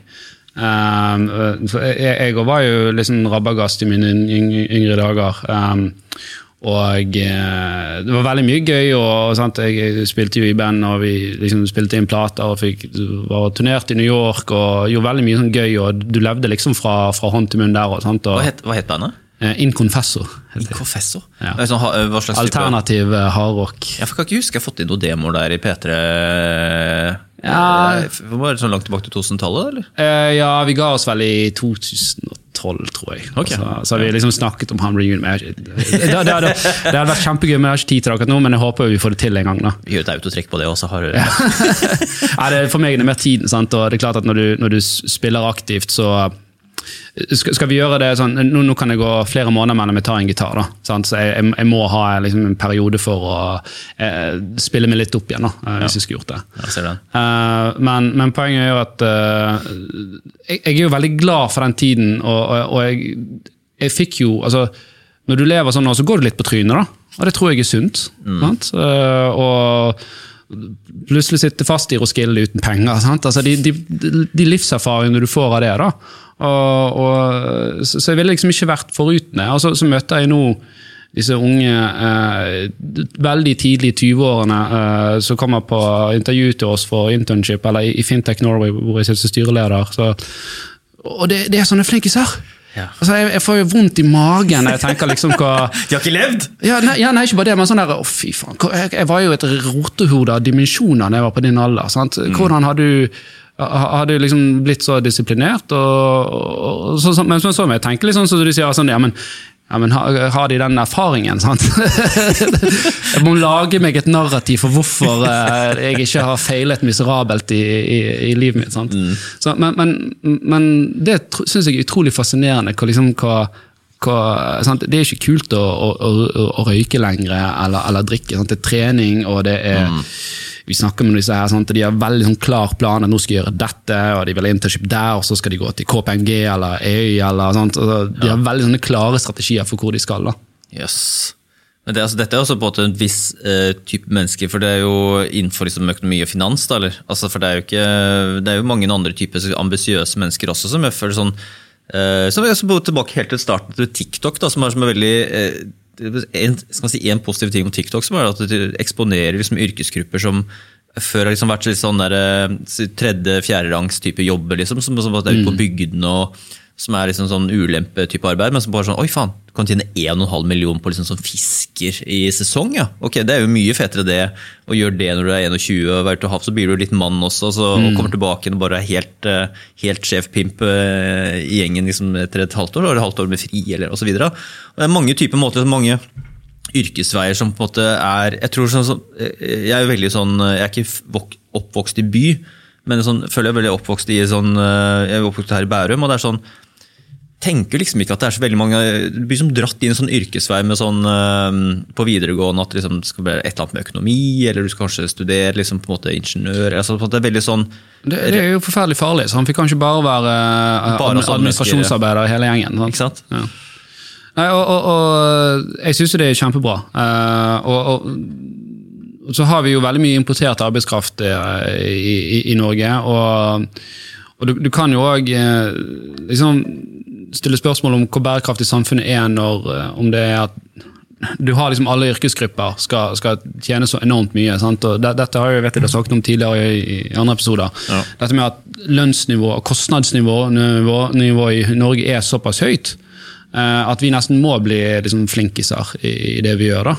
Um, men ja, jeg, jeg, jeg syns det er kjempekult dette med at TikTok viser eh, andre mm. ting. Og, og, og det, for meg så virker det sånn at verden blir liksom bare mer og mer polarisert. da. Uh, og, og Om det er pga. sosiale medier, eller andre ting, det vet jeg ikke. Men, for du har liksom disse superflinke menneskene, og på andre siden så har du, har du de menneskene som, som nesten bare får det vondere. Og, og, og, de som har det vondest i dag, det, det er unge uh, enslige gutter med, med, med middels la, lav utdanning særlig. da. De sliter uh, skikkelig i, i, i, i samfunnet. Eh, og, så, så, og, og det, det viste jo denne her rapporten jeg sagt om tidligere også, at eh, denne trenden med økonomisk bevissthet den går faktisk feil vei for unge, yngre, yngre mennesker. Og, og gapet liksom mellom de som er flinke og de som er ikke flinke, blir, blir stadig større.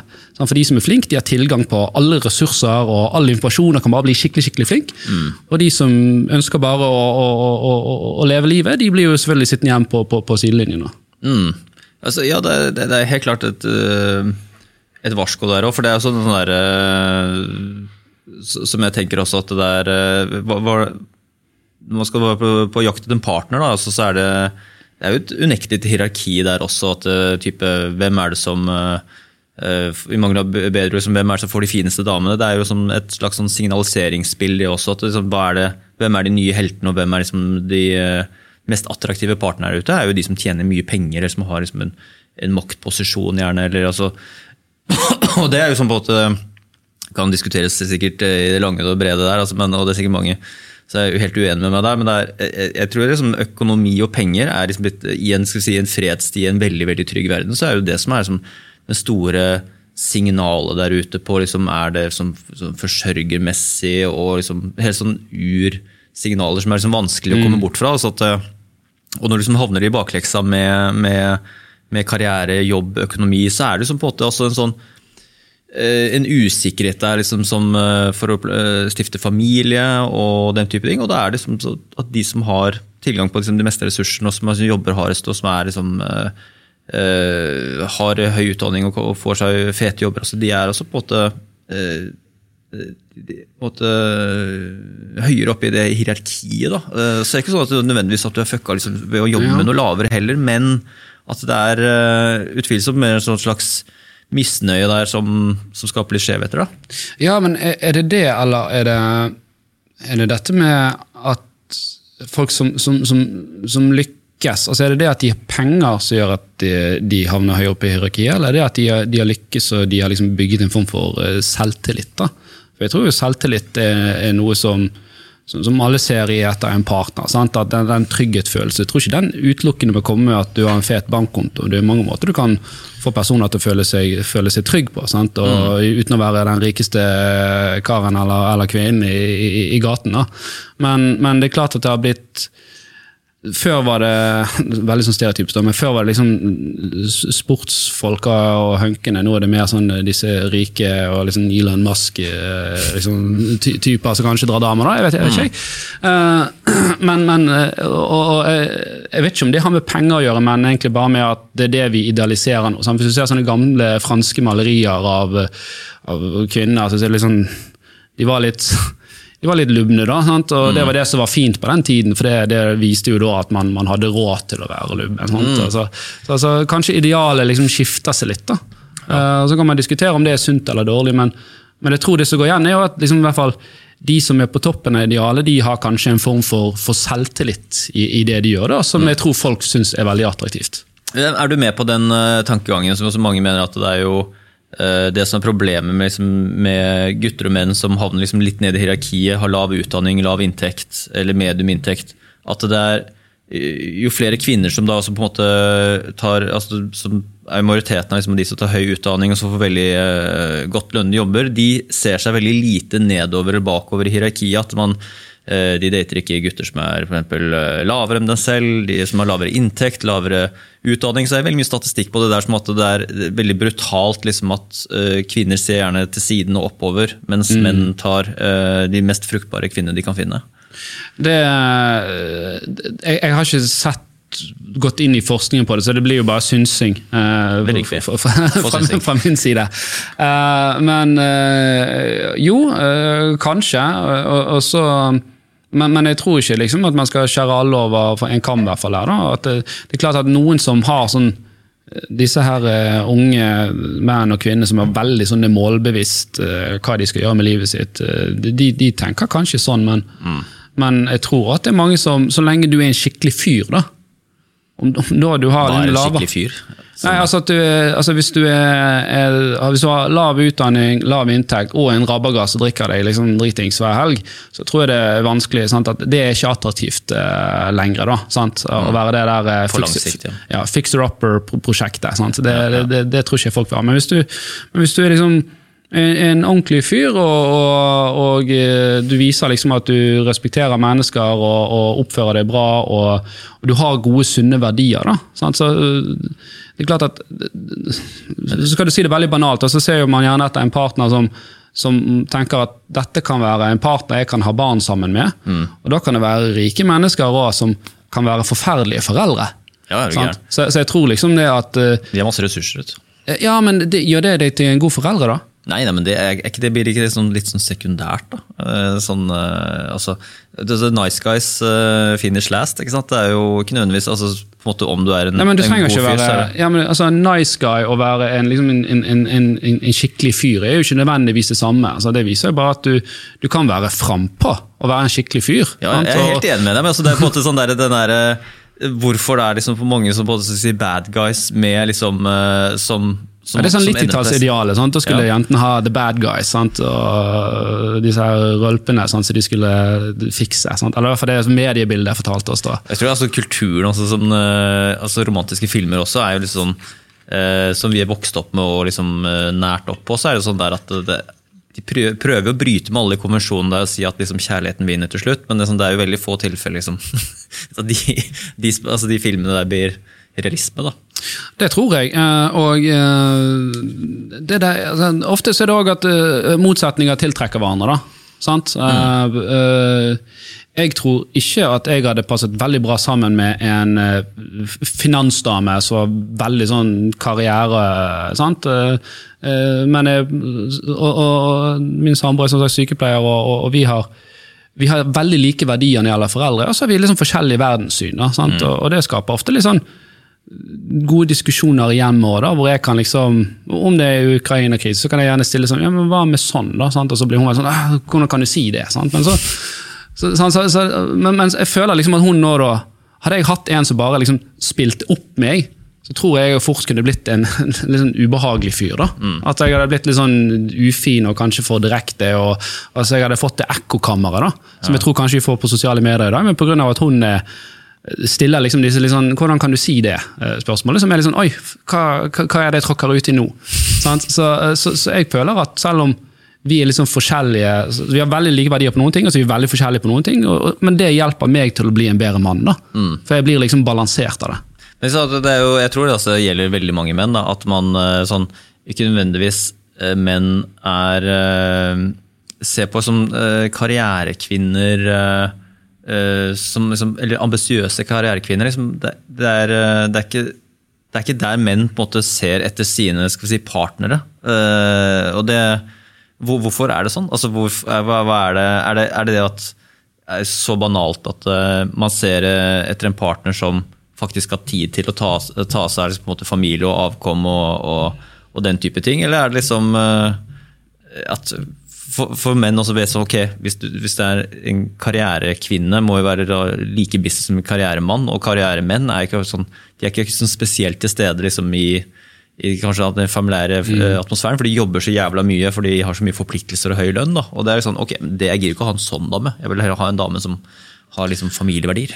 Ja, og, og, og, og eh, det, er et veldig godt, godt spørsmål, og, og det, det fins sikkert eh, menn som tenner på begge deler, holdt jeg på å si. Eh, men, men jeg tror for meg var det i hvert fall viktig når jeg ble singel igjen og liksom så etter en partner, så var det liksom noen som som jeg følte liksom jeg kunne ha, hadde de verdiene jeg ønsket da, i å være en, en, en mor for, for, for, mine barn. Og Jeg skal ikke si at det ikke kunne vært en, en karrierekvinne, heller, altså en sånn finanskvinne, da, men, men, men det blir nå ikke sånn nå, i hvert fall. da. Um, så, Jeg så på Tinder, det var en sånn der sak en eller på Tinder som damer som gjemte informasjon om at de var enten veldig sånn smarte eller veldig høyt utdanna eller hadde Nei, det er det verste jeg vet. Altså, sånn, sånne ja, men som fordummer seg selv. Ja, ja, men det var sånn, rett og slett bare sånn fordi det, de var redd for at det skulle utelukke på en måte interessen hos menn. At hvis, hvis de legger opp på en måte, jeg sikt- åtte års Da sikter de lavt, da. Da sikter de lavt i altså, hvis, hvis det da at jeg, du jeg kan jo skjønne det på en måte hvis de har erfaring med at hvis de, hvis de oppleves som karrierekvinner, som ambisiøse og veldig smarte, så er det veldig intimiderende at det skremmer bort en del menn. ja, men hva altså. skal du gjøre? Skal du gå inn i et forhold på falske premisser? Jeg, Altså, jeg, jeg, jeg, kan, skjønne, jeg kan skjønne at folk gjør det, men ja, nei, det, er, det er jo ikke det, er ikke, si, det, det er jo ikke det beste uh, å måtte gjøre det. Men det er jo mange som velger å gjøre det på, tydeligvis på Tinder eller sånn type ting. At, de, at kvinner underselger seg for å få en større reach, eller at de på en måte er redd for å bli avvist. da. Det, det, kan, det, det kan godt være. Uh, men, men personlig så syns jeg det er i hvert fall veldig lite sjarmerende. uh, disse kvinnene som liksom fordummer seg sjøl. og på date og så bare Hæ, har du to millioner årslønn? Hva faen? men, men uh, Nei, det Ja, jeg er det, det, det, Nå er vi jo langt ut på liksom, hva er ja, men det er, vi- det er vi det podcasten her skal være. Du, du kikker på klokka, er det noe du må rekke? Nei, nei, nei, nei det går helt fint. Uh, Det er et punkt der som jeg synes, som jeg irriterer meg litt over. da, Som er, som en, måte med, som er en vakker ting i, i, sånn, i teorien. da, Uh, Som er økonomisk uavhengighet. Og det er jo sånn, tenker jeg til meg selv til, ah, Hadde jeg vært økonomisk uavhengig, skulle jeg bare skrevet bøker og lagd podkast eller bare chilla og bare gå turer og brukt naturen. og sånn. Ja, men du kan jo tjene penger på det. Ja, selvfølgelig, men det er bare sånn, det er sånn ideen, altså, det er en litt sånn 20-årings naivitet, tenker jeg, sånn der økonomisk uavhengighet, det er liksom, det er dit, det er dit jeg skal. I stedet for på en måte sånn der, Fire movement. Hva er det for noe? Det? Financial independency, retire early. Ja, ja ikke sant? Ja. Det, er det, det, er det, det er det jeg skal fram til nå. for sånn der, eh, Hele naive tanken er bare sånn der, eh, ligge på en strand og kose seg, liksom bare, bare ha fri, og nå trenger jeg ikke å tenke på pengene. Forferdelig liv. Sånn, du, du har jo sett liksom de oppslagene har vært liksom med noen sånne 30-åringer som har pensjonert seg i en alder av 37-38 og har flytta til utlandet. bare sånn, Hva faen er poenget med å pensjonere seg i, være- i 30-40-årene? Altså, hva, hva, hva skal du gjøre resten av livet? Altså, Ønsker ikke du å oppnå noe? Altså, nei, jeg, jeg skjønner ikke det. Jeg blir veldig frustrert av det. Og jeg tror jo mange der går rundt og lurer seg, for mange snakker om denne fire movement, og så sier de ja, nå skal jeg spare i ti år, så, så skal jeg pensjonere meg. Sant? Og du er 25, du skal pensjonere deg 35. Du skal leve i 70 år til. det er turnoff. Det er det det er. Ja, men Tror du virkelig også at du klarer å tjene nok penger for at du skal liksom på de ti årene opparbeide en kapital? Altså, du klarer å opparbeide ti millioner, da. Kjempemye penger. Ja. Ok, Og så får du eh, 6 avkastning i året. Det er 600 000, du kan leve på det. Men hva er 600 000 i året om eh, Hvis du skal ta ut dette gevinsten hvert år, hva er det om 20 år, da? Det er sikkert ingenting. sant? Så, så, det, det, det, det er sånn falske premisser, føler jeg man, man går inn for òg, da. Så. Ja, altså, Pengene er jo igjen det. Liksom, altså, hvis du kan lønne deg selv liksom, til den årslønna resten av livet, som, ja da, men så det er, hva, hva er det som driver oss og gjør oss lykkelige? på en måte? Det er jo sånn, ok, Med mindre du har noen helt sånn uh, sinnssyke humanitære eller skal vi si veldedige eh, type prosjekter som, som trumfer det, så ok, all ære til det, liksom, men de fleste har jo mer sånn jeg skal chille. det, er, det er det som på en måte er målet. og jeg bare skjønner ikke, Det er jo så ambisjonsløst, og så, det er så totalt turnoff. For liksom, liksom Litt av gleden ved det er jo liksom skape ting, få til ting, gjøre ting. Uh, og, og, og dyrke hobbyene sine og, og holde huet over vannet, liksom. Mm, og så klart, hvis du, er så heldig at du kan tjene penger på hobbyene dine, så, så jo, må du liksom prise deg det, det lykkelig. Ja. Uh, men men jeg, jeg er helt enig med deg, og jeg, jeg tenker at det der med å, å, å ligge på stranden som, som, som 30-åring det, det- må da være det verste i verden å tenke at å ja, nå har jeg peaket. Uh, du, har nå, du har tre barn som er fem-seks år. Sant? Ok, De er voksne om, om 10-15 år. Hva skal du gjøre da? Sant? Du runder det 50. Skal du bare fortsette å ligge på stranden og drikke mojito? holdt på å si, sant? Altså, Jeg tror virkelig at det som gjør mennesker lykkelige, er at de, de, har, altså de har noe å jobbe mot. Sant? At de gir mening, at de, de deler med en verdiskapning. Da. Uh, og, og Bare for å ta igjen en sånn parallell til å være foreldre eller familielivet. Da, sånn, så jeg, jeg har jo en fantastisk uh, god jobb. Uh, altså Veldig glad i det jeg gjør. Jeg får lov å skape. og det er ikke sånn at Jeg, jeg var lidenskapelig opptatt av kredittkort og forbrukslån. begynte på dette her. Jeg er jo ikke det i dag heller, men jeg er veldig opptatt av å skape. Sant? Å løse problemer og innovere og, og disruptere. Da. Eh, og, og det krever veldig mye. Men jeg kan òg fortsatt liksom velge å prøve å være hjemme til klokken er halv fem-fem. Legge mobilen vekk og ha to timer med ungene før de legger seg. Sant? Og i helgene så, så prøver å være litt streng med meg sjøl. Ok, nei, nå skal jeg ta med ungene så skal vi gå liksom en tur i, i, i skogen. Mm. Sånn, så det er ikke sånn at du må være dårlig foreldre selv om du, selv om du er arbeidsnarkoman resten av uken. Det betyr at du må ofre andre ting. Sant? Jeg, jeg prøver å trene noen ganger i uken, og, men det blir liksom sånn klokken ni på kvelden. Sant? Jeg har bygget meg et treningsrom nede i kjelleren. Eh, Jeg liker jo å game, sant? Men, men det er jo liksom sånn annenhver fredag nå, kanskje et par timer med kompiser eh, du får tid til. Mens, mens andre kompiser sitter gjerne og spiller flere timer hver kveld. Sant? Så det er de tingene som du må liksom ofre. Um, Det, det største turnoffen syns jeg måte, at du, la oss du akkumulerer opp. Det var liksom For å ta den summen du sa, da, 10 millioner kroner. så er det sånn å bare porsjonere det ut til liksom bare å leve. Eh, så på De råeste menneskene eh, jeg tenker på liksom som, som skaper ting, og sånt, at når de først skaper verdier og får en viss sum liksom egenkapital eller penger, så, så reinvesterer de det for liksom på en måte enten bygge, seg, bygge opp det de, de prosjekter de holder på med, eller hva, hva enn, at de liksom får det til å bli større. Og, og, og putte mer penger og mer energi og liksom for, for å se liksom hvor langt de kan nå. Og så er det selvfølgelig, det er ikke noe, det hele skal være sånn verdiskapningsbonanza, men at det, sånn, det, det at du har Uh, ta mennesker som så arver for et godt eksempel, så ta folk som arver liksom 10-50 millioner veldig tidlig i livet. sånn har, det, gir deg ekstremt mange muligheter som ingen andre har til, liksom, til å starte opp ting. Til å starte opp måte, et, et firma, firma, en bedrift, en idé, et prosjekt som ingen andre på en måte, som sitter i et lønna arbeid til 500 000 i året. bare sånn, faen, Jeg har jævlig mange ting jeg har hatt lyst til å gjøre, men så måte jeg, jeg, kan, jeg kan ikke tillate meg å gjøre det. så det er... eh, Min min opplevelse med at de folkene ofte blir litt sånn virkelighetsfjern. Det er litt sånn som po- po- politikere. Sant? De har aldri vært i, i arbeidslivet. Så, og, og Jeg har snakket med noen av disse som har, som har arvet penger. og det, De er veldig sånn filantropiske ideer til tider, men det er veldig lite sånn rot i, i, i virkeligheten. Um, så Ja, nei, jeg um, så, så poenget ditt er jo at okay, du har liksom fått disse ressursene, da. eh, og så gjør du ikke det meste ut av det. Sant? Og hvorfor gjør du ikke det? Vel, veldig godt poeng. Jeg tror mange kanskje øh, gjør det. Uh, men, men du må liksom finne kanskje en greie som du er liksom lidenskapelig for. da. Uh, og, men men det, det er jo veldig tydelig nå at vi er jo en arbeidsgiver, og vi ser jo det at folk er veldig mye mer kresen på hva jobb de tar nå. sant? At det, når jeg når jeg var ferdig utdannet, så var du liksom glad for at du fikk en jobb, men nå er det sånn at nå skal du liksom forfylle deg sjøl i jobben nå. Sant? Og folk sitter der og sier nei, jeg vet ikke dette om, om dette er helt noe for meg. Sant? Um, så uh, Men det, det, altså det, det er med å sitte og vente på at det kommer en god idé, eller et, at eh, du skal finne mening i si, ditt prosjekt. eller sånn.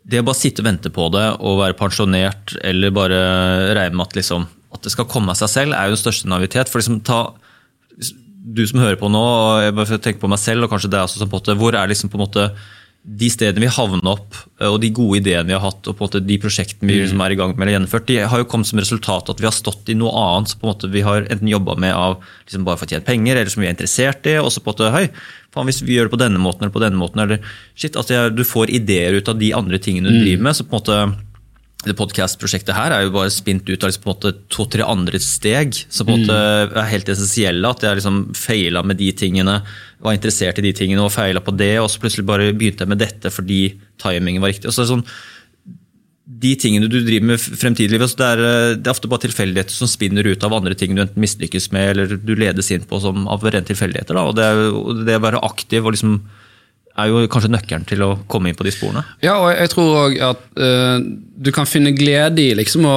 være på de reisene, da. Um, og, og, det, og, og kanskje de som ikke er på de reisene, de følger det med å kjøpe det seg denne fancy bilen. Bare for å trekke parallelt tilbake til det. Uh, men, men, hvis jeg skal ta min egen historie, da, sant, så uh, falt jeg litt sånn tilfeldig inn på økonomistudiene, for jeg skulle jo bli rockestjerne, egentlig. Mm. Så jeg havnet jo på BI, sånn som alle andre sånn, som trenger noe å falle tilbake igjen på, gjør. Mm. Uh, min far var gründer, så jeg vokste opp i en gründerfamilie. og og uh, jobbet et par år uh, med han, og, var liksom rett ut fra BI, og så satt jeg og så tradet jeg aksjer. Uh, for, da hadde, vi, da hadde vi nettopp solgt et selskap da, og fått ut litt kapital. Så, jeg, jeg, så, så, min far, da jeg vokste opp, så, var det ikke sånn at da var det kun hans var jobb. Han jobbet i Statoil, og, og, vi måtte spare til ting sjøl, og, og sparte opp bursdagspenger for å kjøpe sykkel. og sånt. Og så da jeg var 20, da, så hadde min far drevet et selskap noen år, så de solgte, og så fikk de inn litt penger. Sant? Så det var jo kjempebra. Mm. Um, så jeg, så jeg satt et par og jobbet med han med liksom eiendomsprosjekter og, og, investeringer. og Så fikk jeg spørsmål om å begynne å jobbe i dette kapitalforvaltningsselskapet. Jeg takket ja eh, til det. Uh, og jobbet litt med sånne andre eh, prosjekter på SID. Uh, synes det var veldig spennende, for jeg ville se bak teppet innenfor finansverdenen. For jeg følte jeg satt på andre siden av det. Mm. Uh, så det synes jeg var kjempelærerikt å få se hvordan det var på andre siden.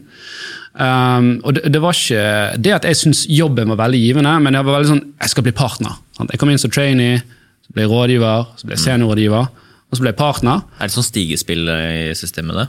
Ja, det, typisk løype? Ja, jeg tror vi var, vi var, vel over 20 traineer som startet, og det var to liksom som sto igjen. Mm. Uh, og mange falt av underveis når de ble rådgiver og, og sånt. så det, det var jo det, det ganske, Jeg tror det er litt annerledes i dag, men det var beinhardt. Uh, da dette jo i 2011. Uh, 2010-2011. Mm. Um, men det er jeg veldig glad for at jeg gjorde. Og så, så tenkte jeg ok, hvis jeg klarer liksom å ligge helt på, på, toppen her i noe som jeg egentlig ikke liker å gjøre, sant? hva hvis jeg jobber med noe jeg faktisk liker å gjøre? Mm. Og så kom jo dette et europeisk direktiv som heter PSD2. Sånn, som eh, ligner litt på GDPR, bare at det gjelder for pengene dine. Sånn, at Det er du som eier din bankdata, det er ikke banken som eier det. Mm. og du, du, kan da dele den bankdataen med andre selskaper som har konsesjon fra, fra tilsynet som gjør det. Så tenkte jeg oi, det er jo kjempegenialt. Sant? Dette er noe jeg kunne interessert meg for. og eh, Hvis det noen gang liksom, jeg skulle gått ut og blitt gründer, så, så er det dette. Sant? Og Jeg hadde jobbet litt med gründerselskaper på si pga. vi investerte litt. Eh, og sånt, og, Så jeg hadde litt sånn feeling med det. da. Mm. Så, så, gikk jeg ut eh, i slutten av 20, nei, begynnelsen av 20, Jeg startet selskapet i 2018, men begynte i 2019 å jobbe fulltid med det. 1.4.2019 så skulle PC2 gå live i Norge. Ingen banker var klar.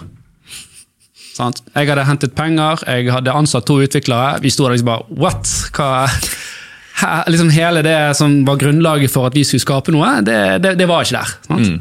Uh, så, og Den sommeren så ble jo også dette gjeldsregisteret lansert. Som er et register som bankene benytter for Hvis de skal gi deg lån, så sjekker de da om ok, har du kredittkort og, og, forbrukslån fra før, så ikke du skal få mer lån. Mm. Dette er de, de tiltakene som er gjort for å dempe den forbrukslånveksten. Uh, og Så leste vi lovverket der og sa at men du, her står det jo også at du har rett på innsikt i din egen informasjon. Og Det er liksom elementært i nesten alt nå, for det, det er din informasjon. Mm. Så, og Da hadde jo eh, Gjeldsregister laget en portal hvor du kunne se den informasjonen, men det var jo forferdelig, liksom, forferdelig sånn dårlig oversikt. og Det sto sånn kapitaliseringsfrekvens og masse sånne fremmedord. da, mm. Så da, da satt vi gjennom hele sommeren 2019 og Så bygde vi en app hvor du logget inn i gjeldsregisteret. Vi hentet den ut, og så viste vi deg den på en mye mer forståelig informasjon. Da. Så du rett og slett fikk live update med oi, her er kredittkortene dine, her er forbrukslånene dine, her var logo på bankene. Vi regnet ut effektiv rente for deg. Mm. Um, og, eh, sant, og tenkte at dette var jo en veldig sånn fiffig ting, da, uten at vi hadde noen planer på hvordan vi skulle direkte tjene penger på det. For det var ikke det vi skulle gjøre. Men det var veldig sånn hva er det vi kan skape noe som skaper verdi for, for forbrukere, som gjør at vi kan gjerne begynne å generere en brukermasse. Og, og, og, jobbe mot det målet vi har om å gjøre folk til sjef i egen økonomi. Mm. Um, og, og, det var jo veldig tidlig, for vi tok jo liksom Bank-Norge på ræven. Uh, og satt jo der liksom så, å, vi har to dager, og vi hadde 500 brukere, og etter en uke så var det liksom et par tusen. Mm. Og Så ringte det en kar fra gjeldsregisteret Jeg og var relativt nervøs, for han trodde jo vi hadde hacket de. Så da måtte vi forklare dem nei, vi har ikke, vi har liksom brukt denne innloggingen her og bruker denne teknologien for å hente ut informasjon. og, mm. og, og sånt da. Og det var liksom første sånn, Da, da kom jo det en ny sånn curveball til oss. at de sånn, ah, ja, men ja, men da, dette, dette vil jo vi tjene penger på, så da skal vi lage en sånn løsning, og så skal dere betale tre kroner hver gang noen skal sjekke gjelden sin. Bare, Nei, du er dum, vi har ikke penger til det. sant? Så da var det en sånn juridisk eh, liksom, kamp eh, som nesten begynte der. da. Men heldigvis er det flere av disse gjeldsregistrene, så vi allierte oss med et annet register. da, sant, Som sa at herregud, det står jo i lovverket at folk har rett på dataen sin, så vi kan jo ikke ta betalt for det. For det står eks eksplisitt i den loven at du kan ikke ta betalt for det. Sant? Og, og så, så gikk, tok dette av, da, og vi hadde 50 000 brukere til, til jul. Vi var jo mer nedlastet enn VIPS eh, til tider. Yes. Uh, og, og så har det vært en reise eh, liksom videre, Uh, og det er først nå i, i begynnelsen av 2020. Sant? Egentlig nesten ett og et halvt år etter liksom, lovverket trådte i kraft, at vi kunne begynne å bruke PSD2, da, dette det originale direktivet, og lage nye tjenester på det. Sant? Så, og Det har vært mange curveballs uh, underveis her hvor vi har samarbeidet med banker. og det, Dette er kanskje en av de liksom, største utfordringene når du skal samarbeide med etablerte. det er at Vi ønsker jo å disruptere? Altså, virkelig endre ting. Og så har du noen banker som sier ja, men dette var litt stilig, la oss snakke sammen. Og så er det noen som oppriktig i banken ønsker å gjøre det òg. Men i en bank så er det 40 personer som skal, skal kan si nei, og du trenger bare én. sant? Eh, Så så det var noe vi liksom brukte et år på på å prøve å få med en av disse store bankene på å gjøre noe som var veldig nytt. Og, så, så det er flere ganger vi har hatt liksom sånne eh, brutale uh, situasjoner hvor det er sånne ting som du kunne legge deg ned og grine for bortimot. Sant? Eh, Men du må liksom bare si ok, sånn er det, men da skal vi finne en annen vei. Sant?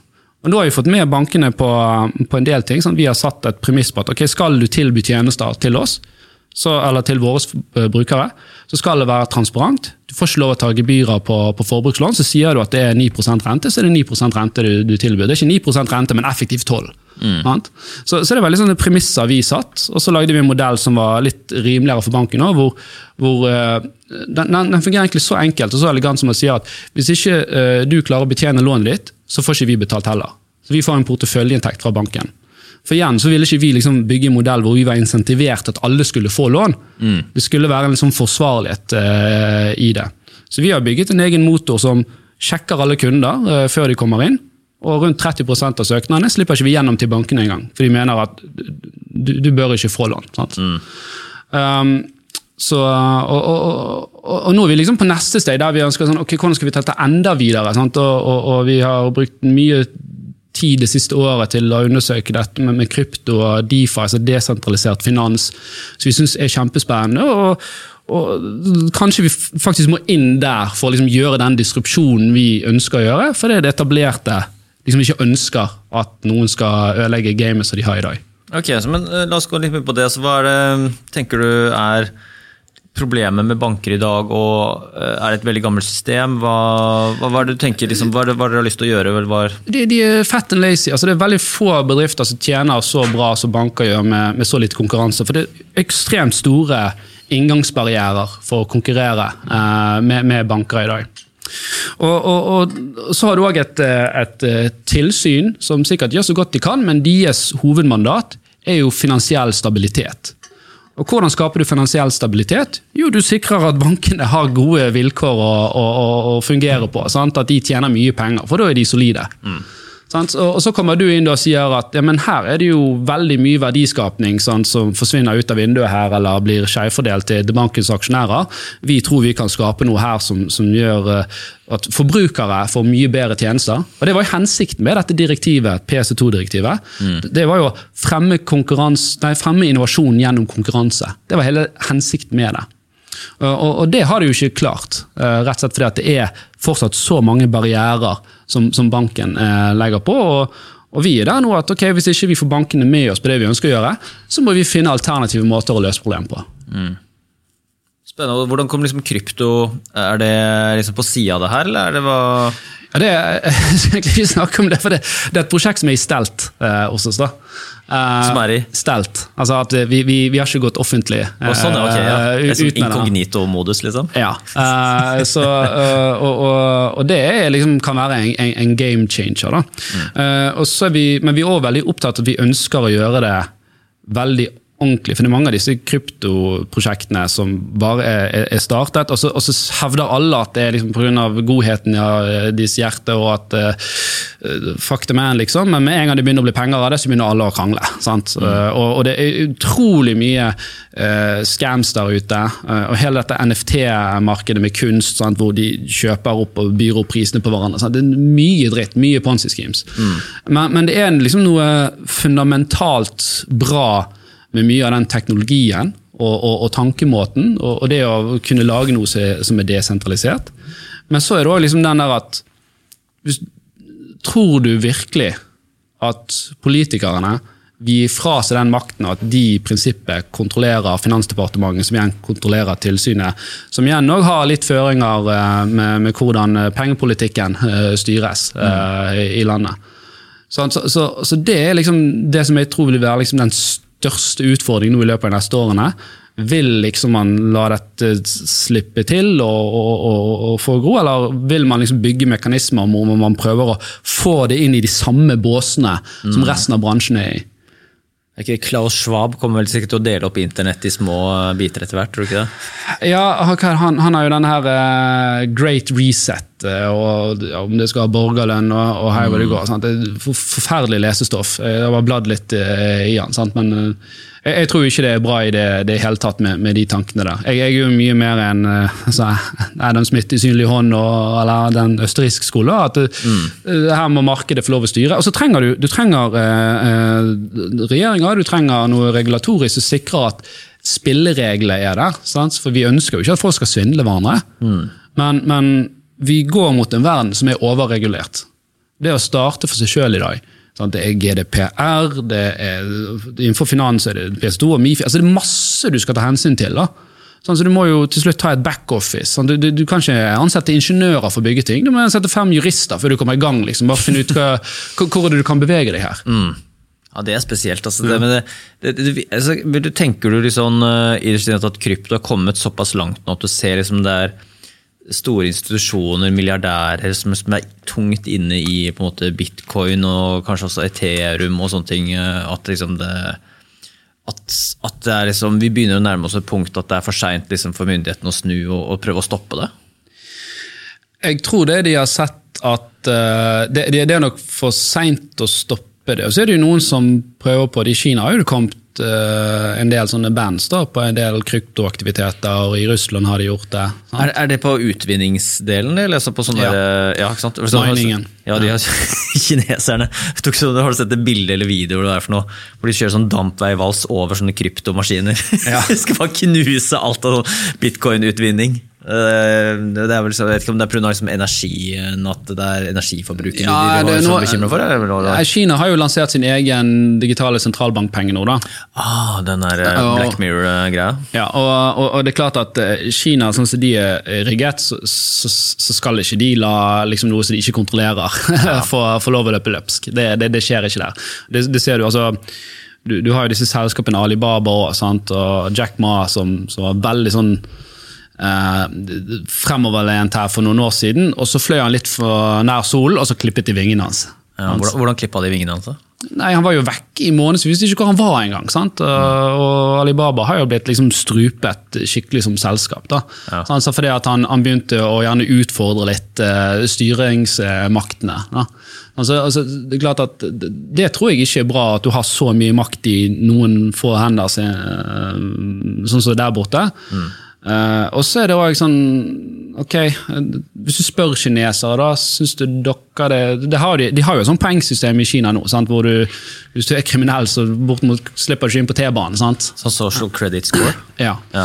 Uh, og hvordan det prosjektet har gått det, det, det, det, det hadde vært veldig gøy å snakke med noen Hvis du leser på nettet, så tror jeg det er vanskelig å finne liksom, reell data, men gjør noen intervjuer med noen som bor der, og få en ærlig uttalelse fra de om liksom, er det faktisk bra, syns du dette har gjort livet lettere?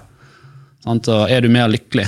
Jeg, jeg tror liksom at frihet er liksom noe som er veldig viktig for oss. Da, og, Ja.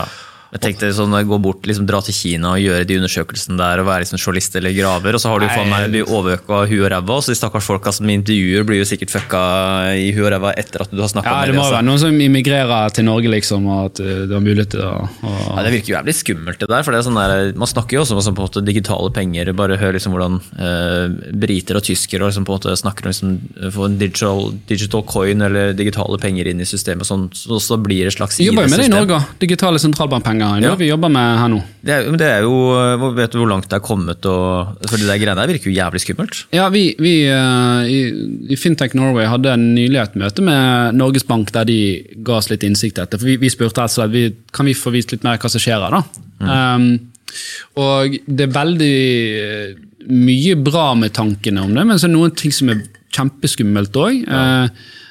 Klart at Har du en helt digital eh, penge og det er tvunget betalingsmiddel, så er du et dårlig valg unna. da. At noen sier nei, vi liker ikke det Wolfgang sier, sant? så nå har ikke du tilgang på pengene dine eller Nettopp. ressurser. Ref liksom de kanadiske truckerne og liksom Ja. det greiene der. bare sånn der, eh, også Hvis du avvikler da kontanten også, så er det jo da prisgitt at myndighetene liksom på en måte er fornøyd med din samfunnsinnsats, eller på en måte at du holder deg eh, og Det du snakker, altså det du sier og det du leverer, er på en måte innafor.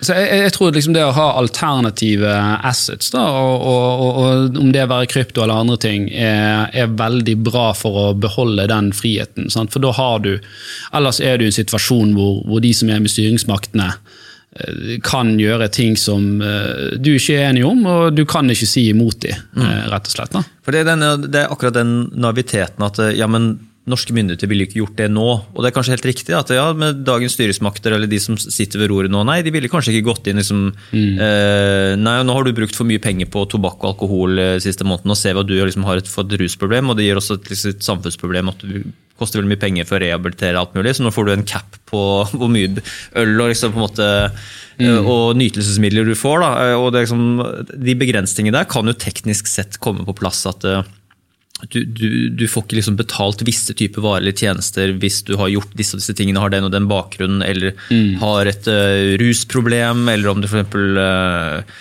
så, så måte At identitet kobles altfor opp mot måte, hva, hva slags, hvor pengene dine står, hvordan du kan forvalte det, og den friheten blir bare sånn strupa inn til et slags eh, ja, Det var en som sa jævlig bra at digitale penger er ikke penger, det er, det er vouchere. Altså det er rett og slett bare kuponger du får av myndighetene som du kan bruke på forskjellige ting. ikke sant? Ja. Og, og hva er det som gjør en penge til en penge? sant? Altså, det er jo, eh, I Norge er det et tvunget betalingsmiddel, sant? men det er jo òg eh, tillit. Sant? Og Det er det som gjør at bitcoin har, har verdi i dag. For det er jo ingenting som, som backer bitcoin i dag, utenom at eh, tilliten til at vi, vi mener at dette har en form for verdi, for det er immutable, da, at det, det kan ikke endres. Men, eh, men bare for å ta det med Norges Bank, så, så tror jeg ikke de i hvert fall i dag har hensikt med å lage den dystopien her.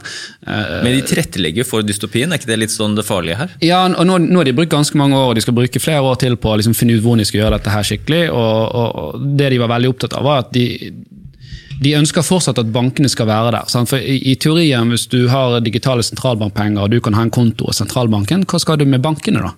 Sant? Uh, men, men her var det veldig tydelig at de ønsket ikke å være type wallet provider, og de ønsket ikke liksom, å tilby eh, gjerne lån eller andre type ting. Det ville de at liksom, næringslivet eller bankene skulle, skulle tilby. Da. Og da er jo vårt spørsmål okay, men vi som er, vi som er fintech-aktører, da. Eh, hva, betyr det for oss? Kan vi, vi kan jo lage digitale løsninger som kanskje er mye mer kostnadseffektive. Altså, DNB har eh, i underkant av 10 000 ansatte. Altså, hvorfor har en bank så mange? Det, det er bare, Alt er jo digitalisert. Og Så skjønner jeg det at DNB er mange, mange områder, sant? og det er eiendom og det er hei hvor det går. Men, og, og det er veldig mange på compliance. Eh, men, men du kan definitivt drive mer kostnadseffektivt. Bill Gates han, han sa jo på 90-tallet at eh, eh, du trenger banking, men du trenger ikke banks. Sant? Du trenger banktjenester, du trenger å ha måter å transaksjonere på, men du trenger egentlig ikke bankene.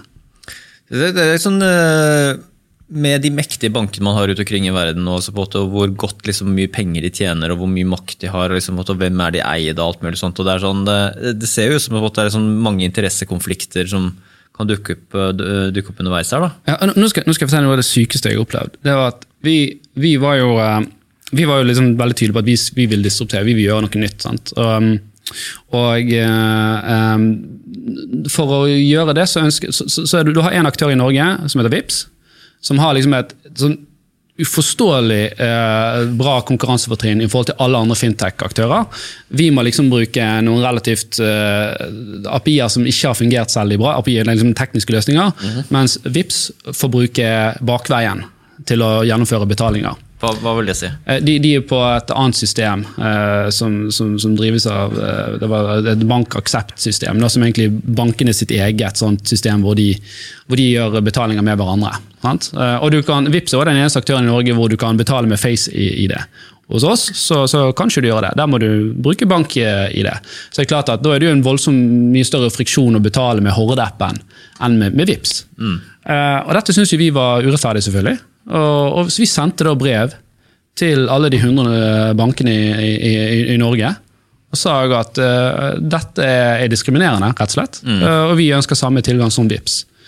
Og Da brukte vi et av de fire store eh, uh, advokatselskapene på dette. her. Okay. Og de tørde ikke å sende brevet på våre vegne.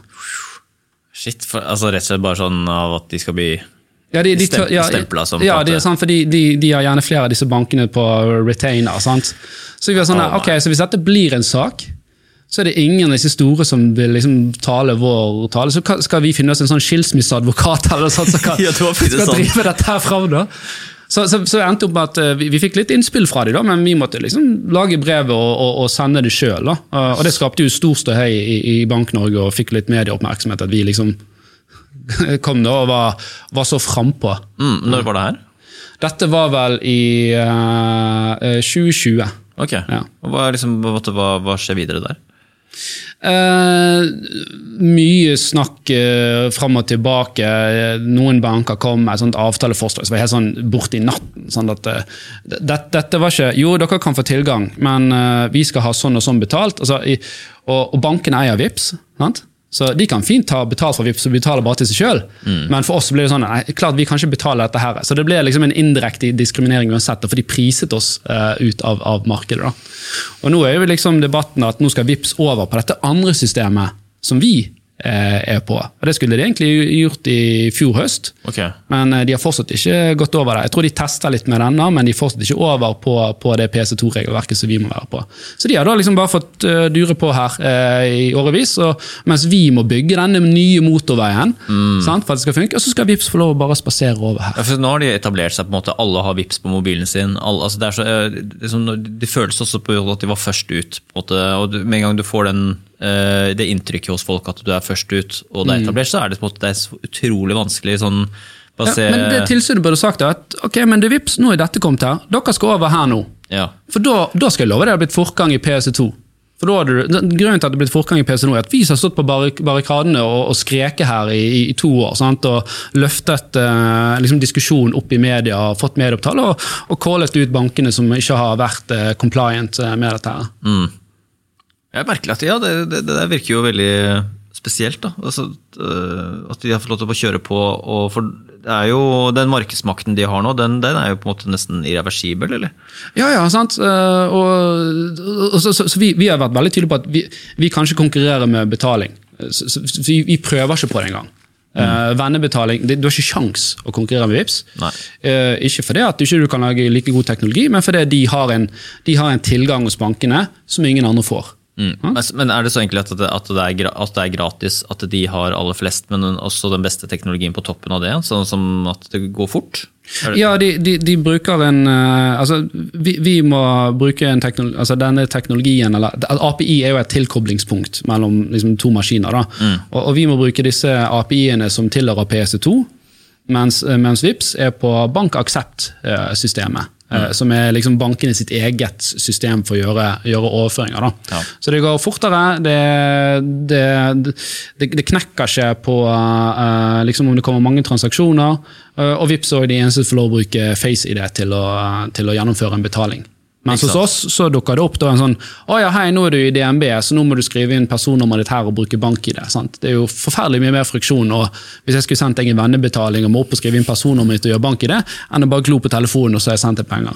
det er sånn som å overføre krypto til hverandre. At man, øh, Man føler liksom at man eh, på, går på sånne glør. eller sånt, at det er, det er så høy risiko man skal overføre med alle de her tegnene til hverandre. Sånt. Det er så komplisert at du føler at det, faen, skriver du feil, så er pengene vekke fra ja, det, ja, ikke sant? det er en jævlig stor nedside hvis du fucker det opp. Men, men det bank accept-systemet er det altså på en måte når vi eh, er butikker og liksom bare betaler med en kortterminal, så går det gjennom systemet. ikke sant? Det er sånn super... Ja. Og Dette er interessant, da, for um, du har BankAccept, en fantastisk løsning som har gjort det veldig mye mer kostnadseffektivt for bankene å, å gjennomføre betalinger enn det er i andre land. Sånn, vi har jo en, det er noe som heter P27, da, Payment 27, som er en gruppe med land som, som prøver å utvikle noe sånt. og Der har liksom Norge vært veldig sånn nei, vi vil ikke være med, for vi har allerede BankAccept, så det, okay. Den løsningen der, den, den vil ikke vi ha. Um, og, og, og BankID òg. BankID er en helt sånn unik norsk sak. Hvis du går til UK og forteller de at nei, BankID det er noe vi har i Norge, hvor det er en bank som verifiserer en kunde, og så kan du bruke den verifikasjonen i andre banker. For det er egentlig det det er. Om du har DNB og har BankID-en der, så godtar Sparebanken Vest eller Øst eller, eh, eller Nordea. Da godtar de det at ok, ja, DNB har sagt at du, du er du. Det er helt uhørt hvis du går til UK f.eks. Det er sånn, nei, det går ikke an, du kan ikke stole på en annen bank. sant? Så du har, du har, Bank-Norge har gjort veldig mye riktig, og det er veldig bra sånn, grunnlag for samarbeid. Eh, og, og det er sikkert mange som nostalgisk ønsker tilbake på det, men det skjedde noe når Vips kom. For, og, og dette er jo, altså Her forteller jeg historien fra ikke vært en del av den selv, men fra det jeg har hørt. så jeg, Folk må gjerne faktasjekke dette her da, hvis det er noen som vet noe annet enn meg. Men etter min historie så jobbet faktisk flere av disse store bankene eh, med en sånn mobilbetalingsløsning. Og så gjorde DNB på bakrommet, satt de og jobbet med Vips. Yes. Og så klinket de det ut i markedet, sant? og, og eh, alle de andre bankene fikk jo helt panikk. Da, sant? Jeg har hørt historier om folk ble kalt hjem fra ferie, liksom, fordi at uh, hva har skjedd her nå? Og Det virket som at det forsurnet dette samarbeidsmiljøet. da, At eh, DNB tok en så dominerende uh, rolle der. da. Ja, det, det mener jeg har lest også. at da kom også alle de andre bankene ble invitert inn i prosjektet, og at det ble da en slags joint venture mye mer enn at det ble DNB sitt, og så ble det skilt ut fra DNB. Stemmer det? Ja, nå, nå er det sånn, ja. Ja. Men, men som sagt, det var jo opprinnelig DNB som hadde det, og så inviterte de andre inn, så de har jo liksom sittet med styringen. Og det, og det, så, Nå skal vi bli helt konspiratorisk her, da, men, men det er litt sånn kartellvirksomhet i Bank-Norge i dag, der du har folk som sitter De kommer fra DNB, og så går de til tilsynet, og så går de inn i, i BITS, f.eks., som, er- som driver liksom en del av den infrastrukturen. De sitter i Finans Norge. Sant? Så du, du har liksom mennesker her som har ganske stor eh, innflytelse og tilhørighet da, hos, eh, hos DNB, som gjør at det er vanskelig for, eh, for andre å, å, å komme og ta, altså, vi, startet jo Fintech Norway, som er en, en, en organisasjon for uavhengige fintech-selskaper, som skal jobbe for å bedre rammevilkår for fintech i, i Norge. Og, og Bakgrunnen for at den ble etablert, var jo fordi at vi, vi var i disse dialogene med, med Finans Norge. Eh, Horde er medlem av Finans Norge. Vi betaler 12 500 i året, tror jeg. DNB betaler nærmere 60 millioner i året til Finans Norge. Hvem sin side tar de i en sak? sant? Det er veldig tydelig hvor den, den ballen lander. Og så er det sikkert at 70-80% av sakene er vi helt enige om med, DNB og, og de store. sant? At eh, Om det gjelder eh, AML, eller altså antihvitvasking og, og, og, sikkerhet og sånt. Men så er det klart at noen ting vil jo utfordrerne ha andre ønsker på enn de etablerte. Og Da følte vi det at eh, her var ikke det gehør for, eh, for det. De har riktignok en fintech-gruppe, men du føler nesten at det er sånn ja, vi tar det inn og så hører vi på det en gang i året, sånn at de får, luftet seg litt. sant? Um, så, så Derfor startet vi Fintech Norway for å være liksom denne motpolen på de sakene der. Så det er en veldig sånn spisset organisasjon. Eh, vi konkurrerer ikke med de andre organisasjoner som Finance Innovation som driver med inkubatorer og den type ting. Det gjør ikke vi. Vi utelukkende liksom jobber for disse her kjernesakene for å legge til rette bedre rammevilkår eh, for, eh, for utfordrerne. Og det innebærer å snakke med departement og tilsynet og ja, hva hva det måtte være. Spennende. Da, da er det jo liksom The next frontier er liksom hvem er først ute med liksom en, en eh, kryptoløsning av et eller annet slag, da, som gjør det enkelt for meg at jeg kan sende deg en Ethereum nå uh, bare mobil- altså uten å måtte liksom gå gjennom uh, enten Coinbase, Binance eller Norwegian Block Exchange osv. For det er jo liksom Ja. det er jo sånn tungvint. Du kan uh, altså, der har Du jo to, du har liksom Coinbase og, og, Binance og, og Firi her i Norge. Sant? Det er jo sentraliserte exchanges. Og så har du liksom de desentraliserte systemene som er altså Uniswap og, og Metamask, sant? som jeg kan sende deg penger eh, direkte til. Og Jeg er helt enig med at det, det er veldig knotete der nå. Um, så, så, så krypto er langt ifra der at det kan bli liksom et levedyktig betalingsmiddel. Uh, og så tror jeg det må det, det er vanskelig å innføre det òg. For klart at uh, digitale sentralbankpenger fra sentralbanken det kommer til å bli tvunget betalingsmiddel. Da er det etablert. da. Sant? Du, må, du skal drive butikk, ja, du må ta imot disse pengene. Regjeringen kommer ikke si at ja, bitcoin er nå tvunget betalingsmiddel. Du må ta imot betaling på dette hvis du er på Cutters eller på Rema. Det, det skjer jo ikke. Mm. Så, så, så, det tar mye lengre tid for det økosystemet å, å, å, komme opp. Men det har blitt mye bedre. Jeg husker første gang jeg overførte krypto, sikkert i 2014 eller 2015. Voldsom prosess. sant? Og, og Da hadde jo tilsynet kommet med noen regler, så jeg måtte liksom ta bilde av passet mitt og sende til en fyr. Han måtte verifisere meg. Altså, så det, har, det, er jo mye lettere i dag mm. enn det det var da. Sant? Det tok dagevis før jeg fikk det. Um, så, så, det går jo riktig retning, uh, men det går ikke fort. Jeg ser jo at sånn, sånn Binance uh, har et sånt eget uh, Jeg vet ikke om det er debitkort eller kredittkort, ja, men det er jo som et vanlig bankkort, sånn type norsk eller sånn internasjonal format. At du bare, Som er direkte kobla til Nei, du må vel kanskje selge du må vel selge bitcoin og ethereum inn i en slags skal vi si, sånn stablecoin, og så kan du bruke det kortet til å bare kjøpe varer og tjenester som er kredittkort? Det, det, kan godt være, jeg kjenner ikke til akkurat det. der. Men, men jeg vil anta at uh, her er det uh, liksom en mellommann som gjør en veksling da, for at det blir liksom norske kroner eller, eller dollar. Og, og, det er jo litt utfordrende med mange av disse, ting, disse systemene, det er at de er forferdelig dyre ennå. Ja. At det, det koster fortsatt altfor mye å gjøre en skal du gjøre en overføring på, på, Ethereum, da skal du betale 50 kroner for noe, så koster det kanskje 150 kroner. Bare sende pengene. Bare sånn jeg skal overføre fra PayPal, fra dollar til konto. Fy faen, altså det, det, er så mye svinn der. Altså de der bare sånn, jeg bare regner her, Hvordan er det mulig at den summen ble mm. så mye lavere? Altså det, bare, det bare forsvinner i en sånn transaksjons... Ja, og, og, og fordel eh, der med krypto, da eh, og Nå skal jeg ikke ta alt av en kamp, men, men ofte så er Ofte disse gebyrene fra det etablerte er jo en prosentsats av summen. Mens hos mm, mm. krypto så er det ofte en fastsats. Så hvis du skal overføre 100 kroner, så blir det veldig dyrt. Men skal du overføre 100 000, så blir det veldig mye billigere enn å gå gjennom eh, banksystemet. Mm.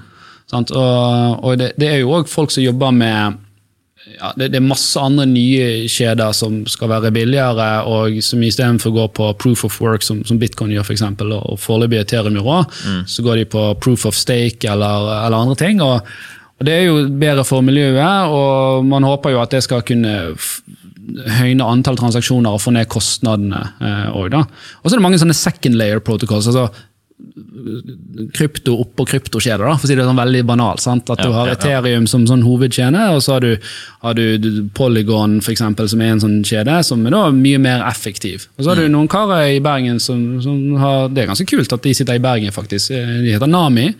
Um, som har laga en sånn second layer protocol som er superrask. Så bruker de heller Ethereum-kjeden som en slags sånn eh, sikkerhet eller clearinghouse, eller hvordan jeg skal forklare det. at mm. Det som skjer, det er, det er immutable, da, at du, du, faktisk kan verifisere det.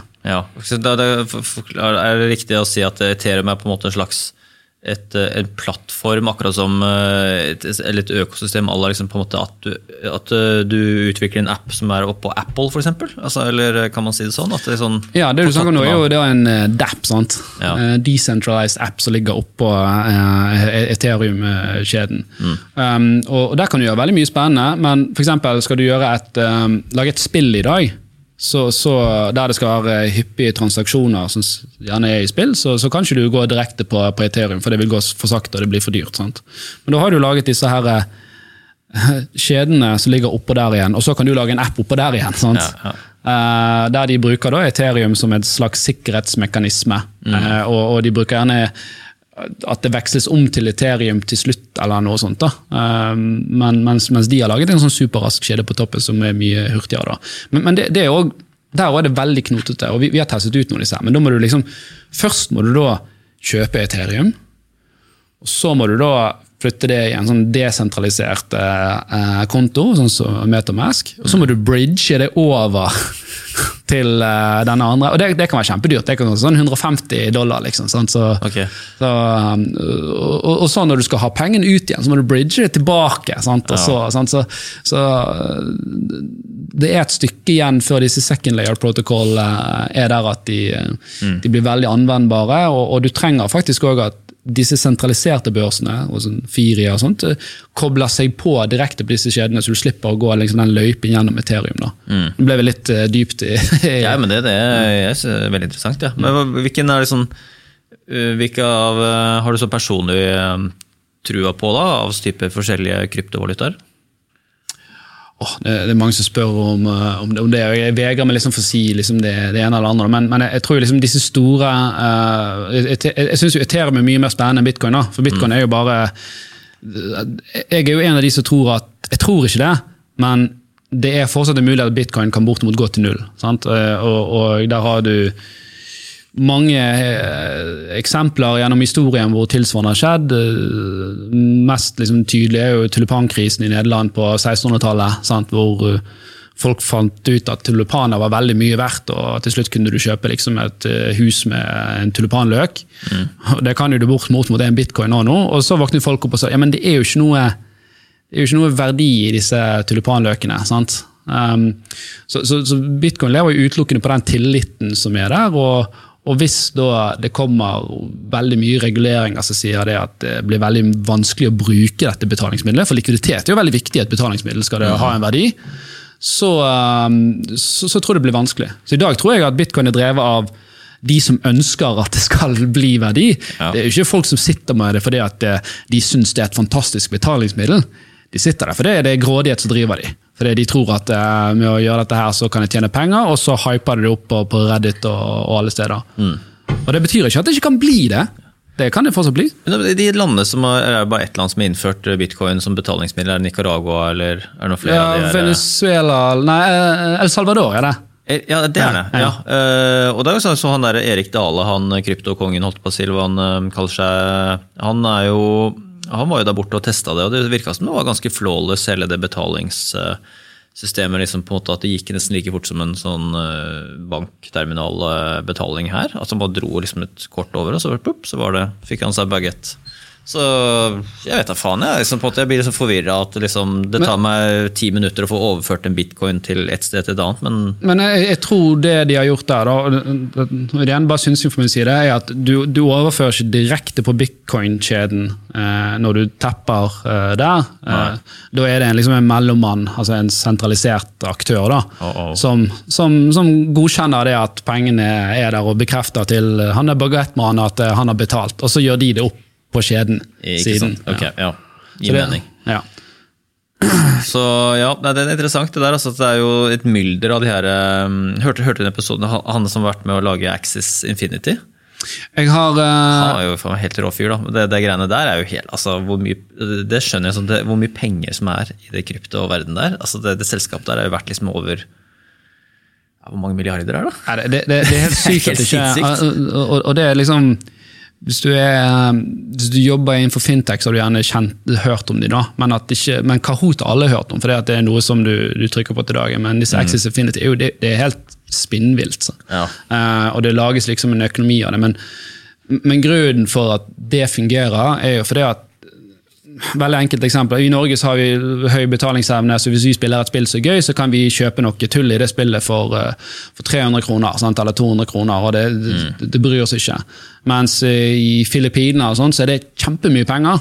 Så de sitter da og grinder, og så får de ut eh, 100 kroner, sant? Og, så, og så er det nok til at de kan eh, leve eh, et par dager. Sant? Så det er jo liksom sånn slags verdioverføring her. Som, altså, det funker jo så lenge bare du har sånn veldig store pay gaps, og du har liksom noen da som er villig til å betale uh, for det. da. Ja, men det- den Gamingverdenen har du også snakka mye om podkasten deres, har du ikke det? Altså, det er dere gamere hele gjengen, eller er det Eh, jeg og Jan Tore har nå gamet litt i vår oppvekst, mens, eh, mens um, Torstein han er helt uh, vekke uh, på det. Men det er jo det som skaper god podkast da. sant? Ja, ja. Eh, men, men nå begynner han å lære litt. eh, og vi hadde jo sist gjest med oss, var en som heter Asgeir eh, Å, jeg husker ikke et navn, litt flaut. Men Asker, i hvert fall, som er, er agent da, eh, for noen av eh, Norges eh, liksom, fremste e-sportspillere. Og vi har jo òg to ansatte som, som sin bror er, er en av verdens beste Dota-spillere. Eh, så, så, da var det liksom veldig lærerikt for Torstein. Du så at han, han, begynte å skjønne at ok, her er det faktisk eh, noe for han og tenkte at dette er jo bare tull og fjas og sånt som drives på gutterommet. Mm. Og så sier jeg sånne statistikker til han at 97% av, eh, av gutter mellom 14 til 18 gamer. Og sier han jeg tror ikke på det, sier han. Men, men det er jo det. Ja. Og, og, jeg tror det er sånn 70 av jenter som gamer nå. Det er, det er sinnssykt mye. Jeg tror det var omtrent null Uh, da jeg holdt på liksom på 90- og 2000-tallet. Du var veldig spesiell da. Sant? Da var ja. du nerden som satt inne og, og ja. gamet for, for deg sjøl. Men mens nå er det jo liksom igjen sånn disse stereotypene endrer seg. Kanskje at nå er hunkene de som er gode i, i, i, i Dota her. Og folk får jo kjærester over Discord og hei hvor det går. sant? Jesus Christ, metahunk. Ja. Og, og, og, det er jo det, det her, her, tror jeg vi kommer inn på kjernen for hvorfor Facebook plutselig skal være meta nå. og meta, mm. For de ser dette her at eh, oi, neste generasjon de lever, ikke, de lever mindre i den virkelige verden og mer i denne virtuale verden. Ja. Men sant, altså, metavers er jo allerede i dag. det. Det er Når du er på Fortnite og disse spillene, så er jo det et metavers. Det er bare at det er 2D og ikke, ikke 3D. Ikke? Uh, så om, om, om, vi kommer der Jeg syns det høres ut som en dystopi da, hvis vi skal sitte med sånne VR-headset eh, hele dagen. Og, jeg, jeg, jeg, tror ikke vi blir lykkelige av det. da. Men det kan godt være at i framtiden at det blir og hvis du har på deg et VR, antar du sikkert har prøvd det, det, det er jo ikke behagelig å sitte med det i Aldri prøvd det. Har du det? Nei, jeg, som det har vært, jeg har aldri fått anledning til å teste ut. Ja, men Da må du komme til Bergen, skal vi sette opp VR-kveld på Hordekontoret. ja, for det, sånn det begynte med sånn, Alle hadde vært i den berg-og-dal-banen, og så var det det der eh, skrekkhuset og liksom type mm. Og så alle testa det pornogreiene på jobben. Og var det noen som testa liksom porno, eh, sånn VR-porno. og der var det sånn Damene fikk se liksom en sånn eh, en fyr, og de skreik og hylte og syntes det var helt jævlig. og så var det liksom, ja, det, var, for det hørtes jo ekstremt klein ut, akkurat den biten der, da, men det, ja, det er ikke sånn å sitte jeg, jeg, tror det er et eller annet naturstridig med at vi ikke kan se eller høre rundt oss. At vi føles veldig utrygge av å ha på liksom den der på ørene og på øynene. Vi er veldig mm. sårbare. da. Det er jo litt sånn, Vi liker jo uh, å ha kontroll på at ikke noen kommer og tar oss bakfra, liksom, eller at, hva som skjer ute på de dødvinklene og sidesynet vårt. Da. Så det, jeg tror det skaper en ekstrem sånn naturangst også, uh, på mm. toppen av det hele. At liksom, du, blir, uh, du er ekstremt sårbar da, når du står med de brillene på.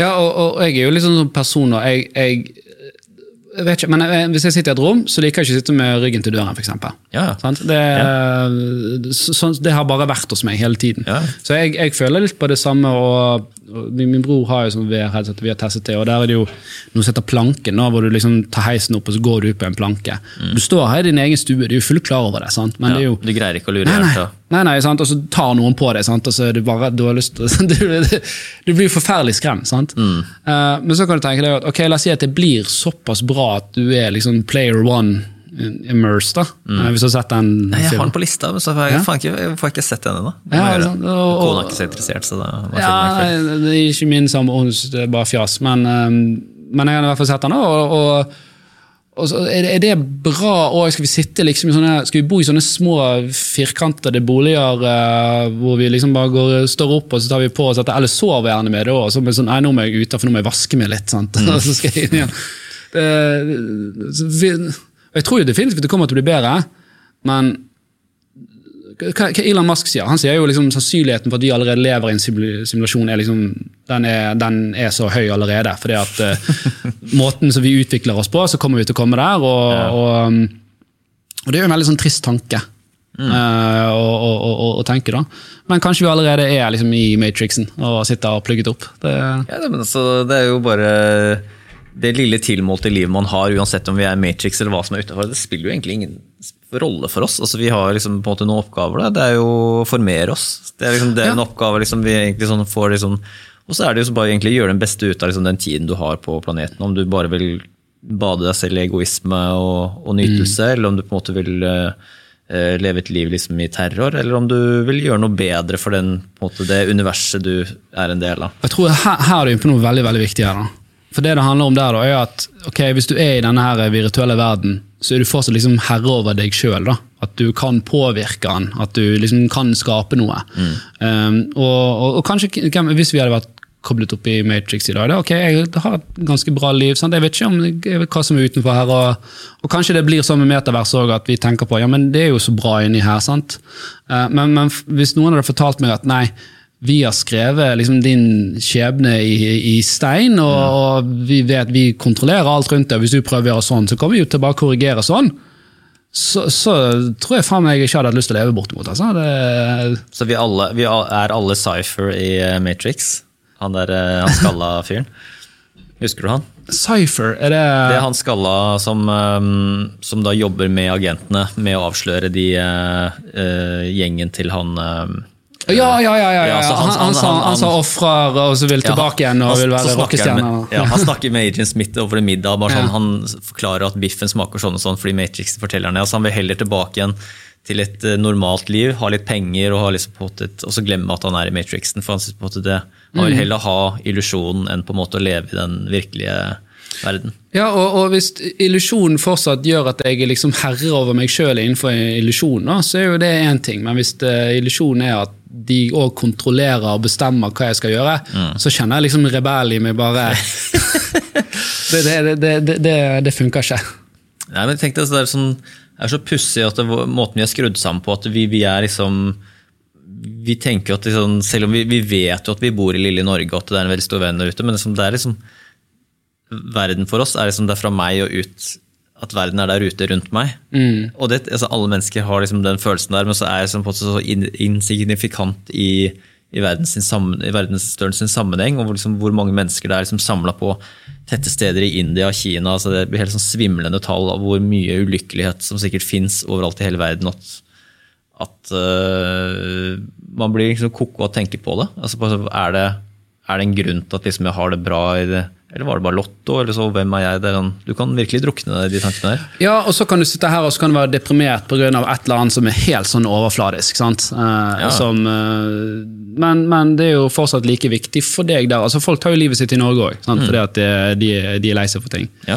Eh, så, så hvem vet om vi eh, ja, vi, vi er vel høyt rangert på disse her lykkekåringene. Da. Så selvfølgelig, og det, Dette studiet også viser, og SSB har gjennomført studier på dette, ja, penger gjør det lykkelig. Selvfølgelig gjør det deg lykkelig. Hvis du har ressurser, det er jo det det er. Sant? Og har du ressurser nok til å ta vare på deg og dine, så, så føler du mindre eh, stress for at det ikke ressursene er der, og da blir du mer lykkelig.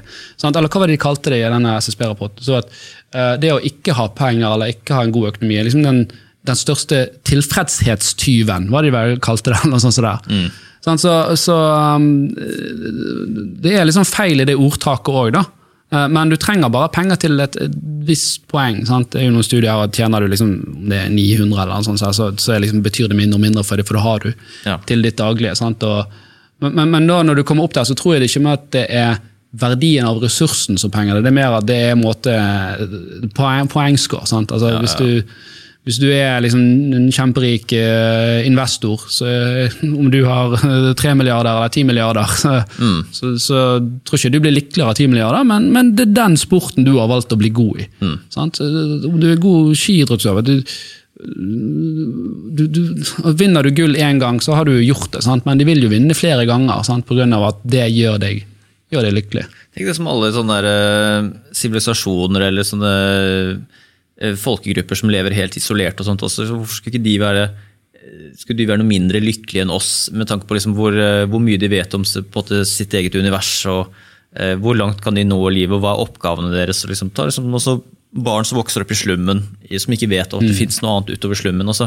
hvorfor er de noe mindre lykkelige enn et barn ute på Fornebu her, f.eks.? Altså, Jeg tror de lever i mer umiddelbar fare, da, og det er klart at det kan jo men det, det er ikke de klar over. Altså på nødvendigvis så på en måte, I dag, dagens samfunn så er det kanskje liksom, type at du har tilgang på informasjon og vet litt hvordan verden fungerer, men sånn i tidligere tider så er det sånn hvis ikke du vet at det er en annen verden der ute med andre muligheter og, og mer frihet osv., så, videre, så er det på en måte den lille lykken du har i den, i den bobla du lever i til den tiden i verden også. For, altså, vi, vi tenker sånn at vi lever liksom på det ypperste av frihet. Vi har liksom ressurser, rikdom, men vi vet jo liksom på en måte ikke hva som er over her igjen. Da. Det, er jo, det, det er jo like stort liksom, på en måte, ukjent territorium okay. over oss. Men, men snu på det. Hvis du går tilbake i, i Norge om ta 100 år, da bare Jeg er ikke historiker, sånn, så jeg bare tar et tall. 100 år. 1922? For eksempel. Og så um, eh, kan du spørre, ja, men okay, Vi visste ikke at det var noe bedre for oss eh, da, så kanskje folk var lykkelige da. Men, også, ok, men det er klart at kvinner, for eksempel, da, var jo veldig eh, undertrykket og hadde liksom en rolle. og du kan si, ja, Var de, var de lykkelige med det? Er de mer lykkelige i dag når de får lov og mulighet til å, å stemme og mulighet til å liksom følge drømmene sine? Sant? så, Så jeg, jeg tror jo riktig det er jo liksom at denne likheten mm, vi får, at alle får like muligheter, da, det tror jeg er veldig viktig. Eh, og, og det tror jeg òg liksom et gatebarn i en slum ser òg, at kanskje ikke han har alle, alle mulighetene som, eh, som, eh, som andre har. Eller hvis du tar i USA, for eksempel, så er det jo masse, masse familier der sant? Og, og unge menn som lever under fattigdomsgrensen. Sant? Og, og, og, kanskje ikke har samme mulighetene som de som vokser opp i privilegerte familier og, og, og, har strukturerte foreldre og, og kommer gjennom en, en, skolegang, liksom. Jo Med en gang du blir eksponert for de som på en måte har det bedre enn deg, så, så det er jo litt sånn interessant det der med at uh, hvis, du, hvis, du, er en, uh, en kvinne bak historien i et sånn sterkt uh, patriarkalsk samfunn, da, så er det sånn at du, din egen lykke skal vi si sånn, er vel til enhver tid begrensa til uh, hvor det synlige mulighetspotensialet som fins i den verden du bor i. Da. Hvis, mm. hvis, det er liksom måte, uh, hvis det største av liksom, dine muligheter er liksom å spise seg, spise seg mett og, og, jage ned et bytte og skaffe noe frukt, så er det, liksom, måte, det, er, det er toppen av muligheter som er mulig å skaffe seg uh, og erverve i, liksom, i en forhistorisk tid, f.eks. For eksempel. så er det sånn, måte, da er det kanskje maks lykke i den verden. Også med en gang, du, med, med en gang det, skal si, den er en terskelen for hva som er mulighetene dine i ditt liv, som du, som du ikke er klar over, så vil jo den på en måte øh, jo høyere den blir, jo, måte, jo mer kommer du til lykkefølelsen til å jage etter hvor mange mm. muligheter du har til enhver til, til gitt tid i historien. Da. Så det er sånn, uh, du, du, flytter målpinnen, på en måte? Ja, så, hvis, du ikke, hvis, ja, hvis, du, hvis, du, ser at det, universet har så og så mange muligheter for meg med det livet jeg lever nå, så er det, på en måte det, det er det vi tenker selv nå. at vi at vi lever liksom på en måte med alle mulige slags muligheter og har de beste mulige leveforhold. I et demokrati vi lever fri. Men sånn, vi vet jo kanskje ikke helt hva måte, hva det neste nivået av frihet og, mm. og lykke er. fordi det, det, er, det, er, ikke synlig for oss. Vi har ikke det, måte, det mulighetsperspektivet. Og, og, det der, tror, bare for å ta en ekstrem der, så tror jeg det der eh, vil være en sånn evigvarende kamp, eh, eller evigvarende jakt. da. Eh, sånn, Elon Musk sånn så begynte han med PayPal, så gjør han bil, sant? og så nå har han liksom fått kontroll på det. Nå skal han til Mars. Altså, hva, etterpå? Så han skal hele tiden pushe liksom, mot, uh, mot, mot, eh, det ekstreme. Jeg, tror det, jeg syns det er spennende at vi har sånne mennesker. da. Mm. Um, og, og for å ta det ned igjen på det, liksom, det dagligdagsnivået. Sant? ok, Instagram har jo sikkert vært en kjempedriver der. Sant? for Plutselig der ser du at alle andre reiser på flotte ferier på Maldivene og har veltrente kropper. Og, mm.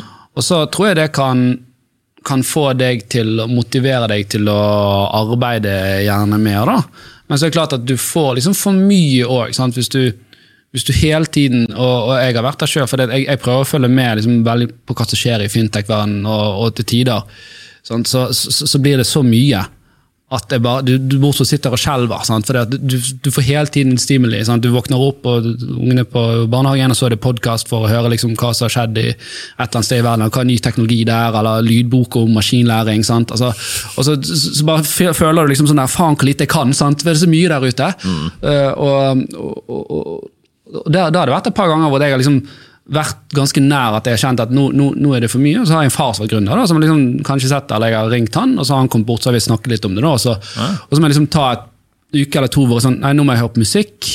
Jeg må trene, jeg må ikke høre på podkast jeg trener, jeg må høre på musikk når jeg trener.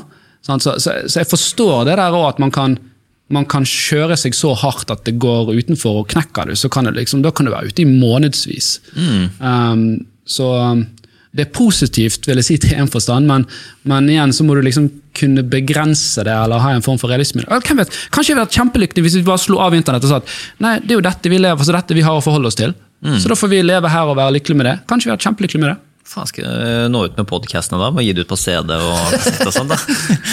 Via post? Ja, ja, men sant, altså, Alt har jo ulemper og fordeler. Sant? At uh, musikere kan uh, bli kjent fra, fra gutterommet. Sant? Og, og, når jeg begynte med musikk, så var det helt uhørt det at du kunne spille inn liksom, med et lydkort hjemme og, og legge ut på Soundcloud og så være Liksom, topplayed på Spotify. Sant? Det, du måtte liksom i studio da, store maskiner og hei hvor du går. Sant?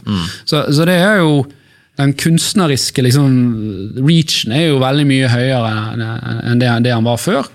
Uh, men så vanner jo det ut òg at de som altså, Nåløyet for å lykkes kanskje å bli kjempestore sant? Det er ikke mange Justin Bieber holdt jeg på å si, eh, der ute, men det er mange som prøver å bli han. sant? Og, og, og, og da livnære seg på det må du kanskje bli såpass. Da. Jeg kjenner folk som har millioner på millioner spillere på avspillinger på, på, på Spotify, men de, de klarer ikke å leve av det. Nei, nei, nei.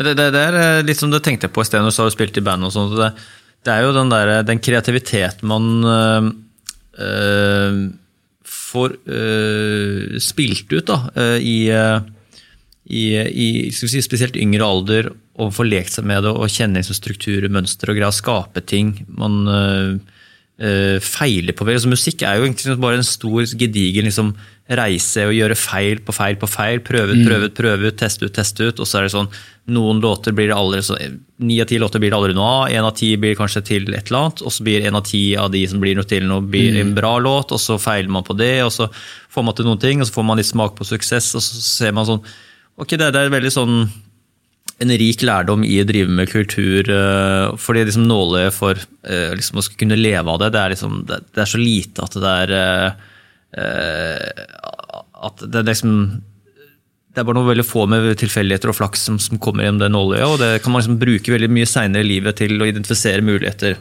Ja, altså er det, selvfølgelig, det, det er noe som heter talent, og det, det skal ikke vi liksom kimse av. da. Um, at uh, Det er noen som bare har et talent for å være uh, flink i musikk, men jeg, jeg tror oppriktig at driv er viktigere i det store og det hele. Mm. og jeg har sett veldig mange talentfulle musikere som jeg tenker bare fy faen, hvis jeg kunne synge sånn så, hva hadde jeg, altså Det er mulighetene mine, da. Ja. Men jeg kan ikke synge for shit. Sant? Så, så da er det sånn misunnelig.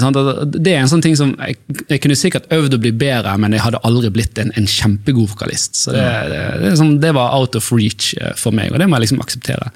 Og, og, og det er kanskje derfor jeg har blitt en god gründer. for jeg var, jeg var ikke liksom kreativ nok til å bli en skikkelig god musiker. Og så var jeg ikke analytisk nok til å bli en skikkelig god liksom, finansmann heller. Men jeg hadde jævlig driv, og, og, og liksom, å være passe kreativ og passe liksom, analytisk og masse driv, så fungerte det veldig bra som liksom, en, en gründertilværelse. da.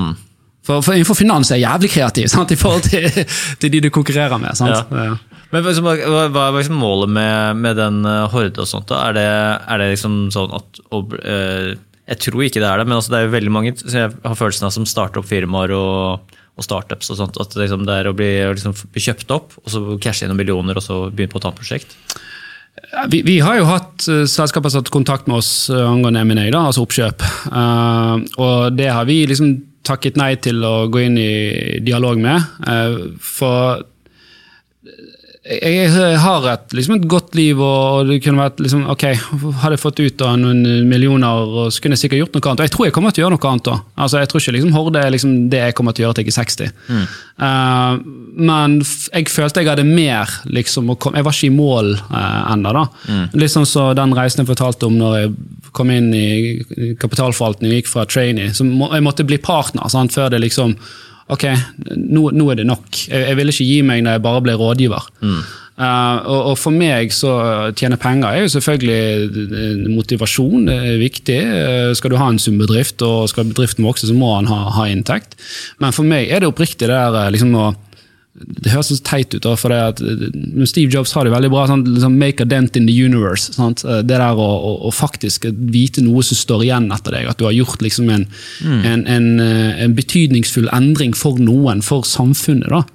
Og Det kan sikkert være filantropisk òg, men for meg så passer det mer innenfor liksom, næringslivet. Og, og, og så, så liker jeg å disruptere. da.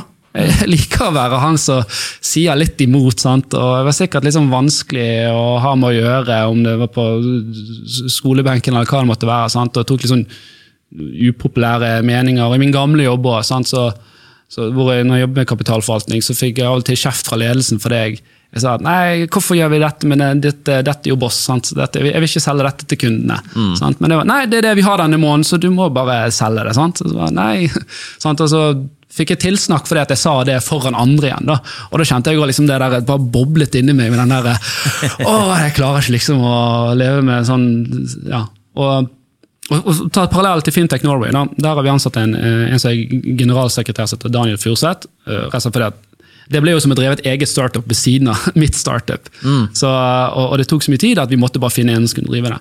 Og, og, og han og jeg vi har veldig sånn lik mentalitet. at Vi, vi, vi orker ikke det der eh, liksom, skyggespillet som er innenfor her. Sant? Og vi, vi kjenner andre i bransjen som forteller oss å, han må du passe, nå skulle møte med han, ja. Sånn, han kommer til CISO, men, men han er bare egentlig ute etter det. Så vi bare sånn, nei, vi vil ha det ærlig. Sant? Og da stiller vi litt sånn direkte spørsmål. Og så, det tror jeg er viktig, for det er vi som setter premissene for hvordan denne bransjen skal være de neste 20 årene. Ikke disse her som er på vei ut uh, døren nå. Så det tror jeg er viktig, at du liksom tar litt sånn verdistandpunkt da, i det du gjør, og, og holder deg til det. Altså, de gjestene dere har hatt i podkasten deres, eh, Ida Vollvik, uh, Sissener, sikkert flere kjente mennesker som ikke kom på i farta. eh, kjenner alle til liksom, måte, det dere jobber med, og er det liksom, noe finansbransjen kjenner godt til? Med Horde og sånn? Jeg tror de fleste innenfor bank kjenner oss relativt godt nå. Og, og, og mye av det. Eh, ja, det, det er sikkert mange i DNB som ikke liker meg, da. Eh, Men, men altså, litt det vi har vokst på, er jo faktisk at rådgivere i banken sier til kunden du, jeg kan ikke gi deg lån her, for jeg ser du har noe eh, kredittkortgreier her eh, som er ubrukt, men, men jeg må regne det med som at det er brukt.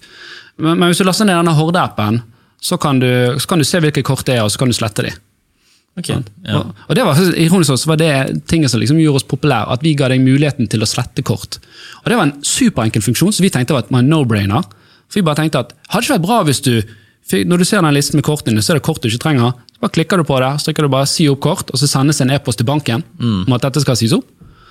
Så, så, det var, vi, vi, vi brukte sikkert 30 sekunder på å tenke ut det. Det, det kom så naturlig for at det skulle være med. Men det var jo det som liksom sjokkerte ø, bankverden, og, og, eller Bank-Norge. da. Og DNB sitt kundesenter fikk jo massivt av e-poster i sånn samme format, der liksom Ola og Kari ville si opp dette kredittkortet. og og så gjorde jo DNB det sjakktrekket og sier at eh, nei, pga. sikkerhetsmessige årsaker så godtar ikke vi oppsigelser over e-post lenger. Og det er klart at eh, det plukket jo media opp i. Så det ga jo egentlig bare oss enda mer boost. da. Ja. For det var jo liksom, Lille startup her prøver å gjøre noe bra for forbrukere. Store slemme liksom DNB gjør det som store slemme etablerte aktører gjør. da. For de ville at de skulle gå inn i, i systemet deres og så kansellere det manuelt? Nei, de vil, nei, de vil ikke at du skal si opp kredittkortet ditt. Nei, selvfølgelig, men at du, du må gå inn i deres systemer. Den tyngste veien for å kunne gjøre det. Skape friksjon. sant? Ja, ja. Uh, og, og så er det masse, Vi har masse argumenter for at det er dumt, for det bør være like lett å liksom si opp et kredittkort som det som var å, å, å, få det. Sånn at Mange av disse kredittkortene har ikke du forhold til lenger. Fordi du en eller annen gang var på Power og kjøpte en vaskemaskin på avbetaling, og så har du fått en sånn kontokreditt hos uh, Santander. Eller at du har et Esso-kort eh, for tolv år siden eh, som DNB leverte for Esso. Sånn, så du, du, har, du har ikke noe forhold til det. Du, du har ikke vært kunde i DNB, det er bare de har levert dette kortet. Sånn, så det å gå inn i DNB for å si det opp virker liksom fjernt for dem. da. Jeg tror faktisk jeg har et par sånne kort selv. Jeg tenker Når du sier det, bare sånn, ja, men faen, jeg har noen gang kansellert det greiene der. Ikke at jeg betaler på det, men det kanskje ligger inne sånn. Det ligger jo der som en blokade for deg hvis du skal ha, ha boliglån. da. For da, Hvis du har 200 000 på ubrukte kredittkort, så får du 200 000 mindre i, i boliglån. Selv om du ikke har brukt det. Ja. Og Det kan jo være det som gjør at du taper den budrunden, f.eks. Mm. Og, og så er det jo noe med at uh, ha liksom en ryddig stue. sant?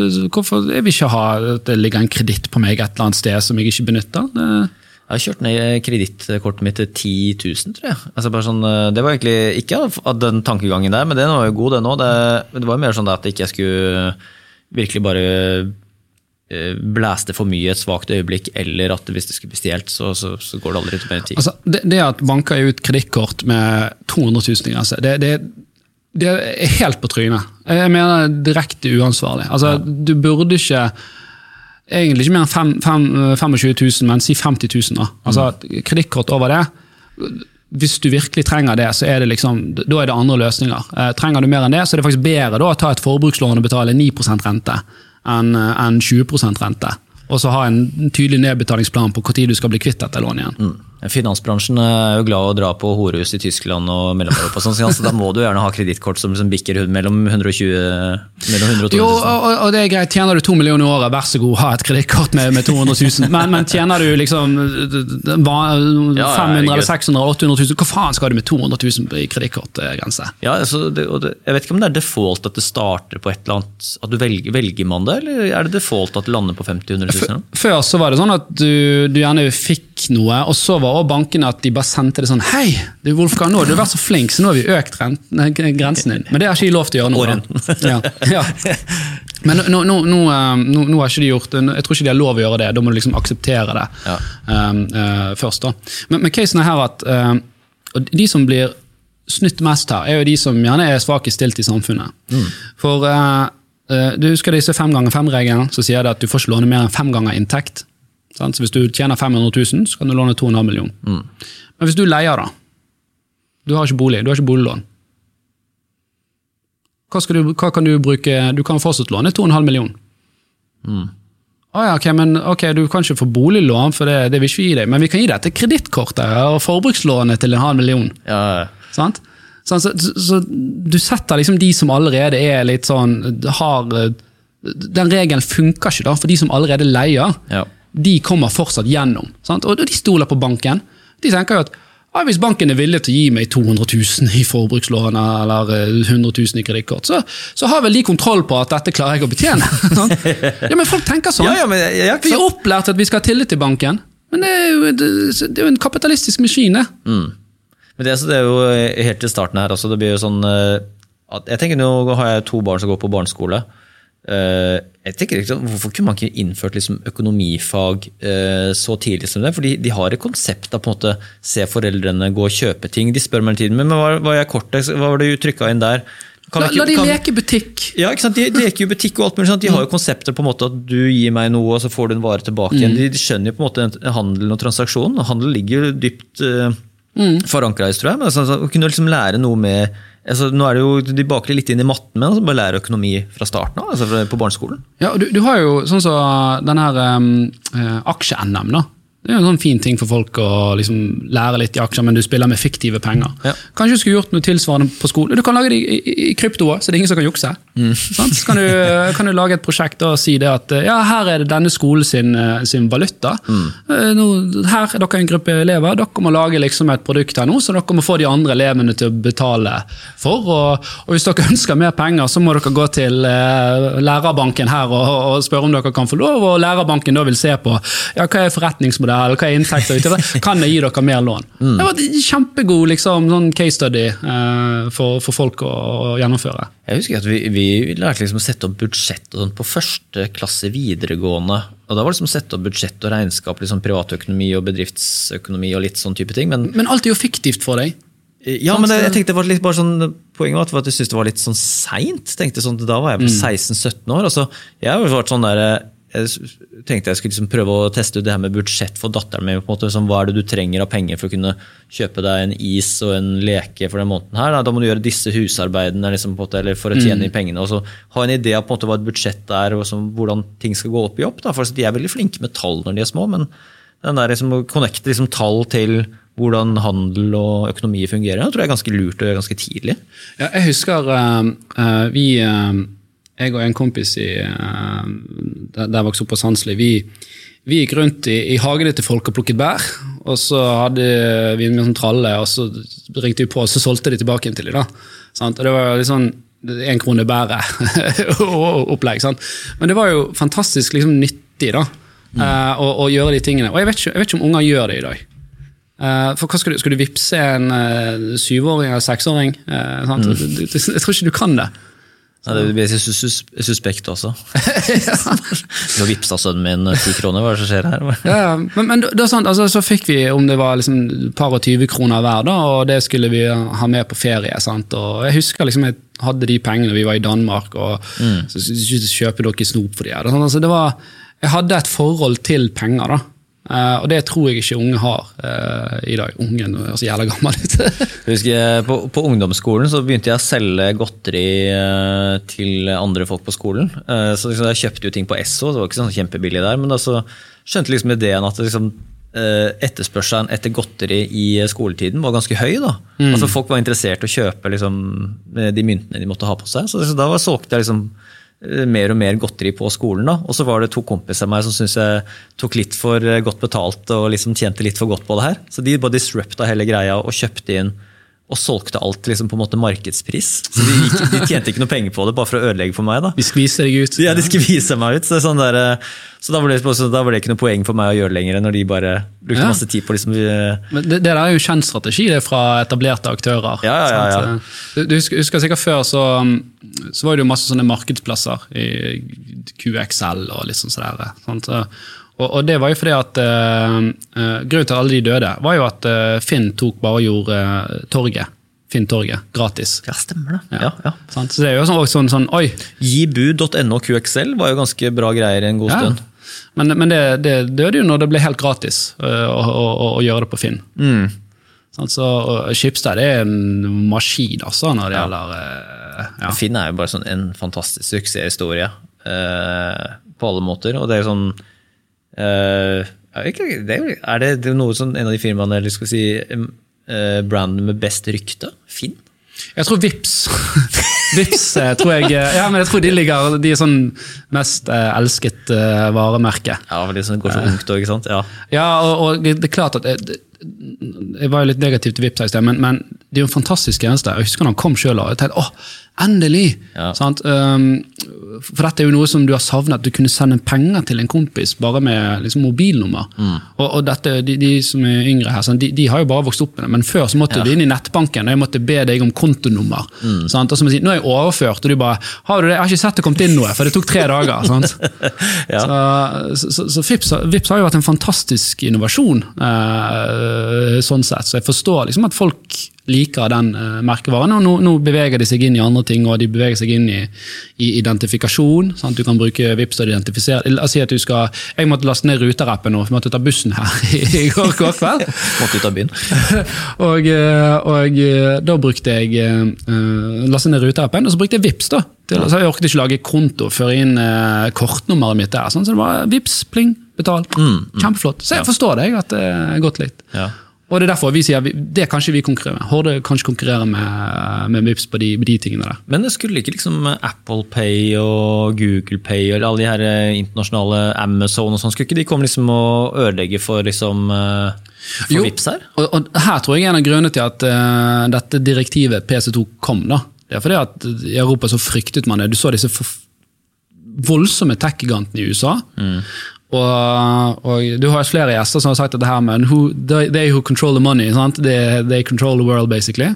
Um, og, så jeg tror for uh, styringsmakten i Europa, det der å tenke at eh, du skal handle gjennom Facebook, og, og Google skal eie liksom, dataen din. Og, altså alt dette, eh, både PC2 og GDPR, er jo en sånn forsvarsmekanisme mot disse her uh, store bastionene uh, som, som er der borte. da. Eh, og Apple er jo, de har jo kjøpt nylig et kredittselskap for kredittvurdering. Og de har jo allerede et kredittkort som du kan få. Eh, Så eh, de er definitivt inn på dette spacet. Og, og, og det tror jeg er fordi at penger er en veldig homogen vare. Én krone er verdt en krone, om det er banker A eller B eller C. Mm. Så, så hvorfor har du 100 banker i Norge? Det er jo veldig, veldig rart, egentlig. Sant? Du trenger nok banker til at det er en konkurranse på ting. Sant? At eh, det er et marked som gjør at det innskudd og, og, og utlån eh, styres etter markedskrefter. Men eh, jeg tror vi vil se en voldsom konsolidering i Norge òg av banker mm. etter hvert. At, du hørte Peter Warren her, han fortalte jo om når han var, var ung og skulle ha lån, og du kom med luen i hånden. Sant? Skalv liksom når du sto der for banken. Nå er du liksom bank i det, og du, du blir jo sur på banken hvis ikke de svarer deg liksom på fem minutter. Ja. Um, så de, har- det har vært mye innovasjon, innovasjon innenfor det der, og jeg tror vi vil se enda mer. At bank liksom bare blir en hygienesak som er bygget inn i, i, i det vi gjør.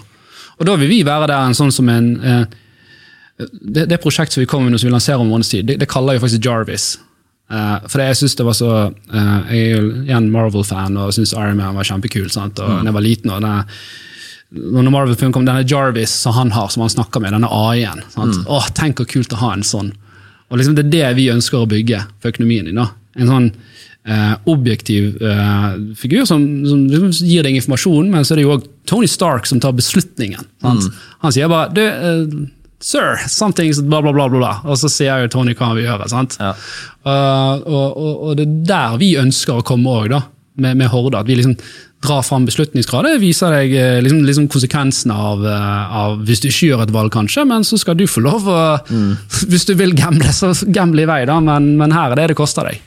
Apropos så på tampen her, da, sånn der, eh, når du, nevnte, du har nevnt Marvel to-tre ganger her nå allerede, så jeg skjønner du er stor fan. Jeg har sett ja, kanskje 90% av alle filmene, tror jeg.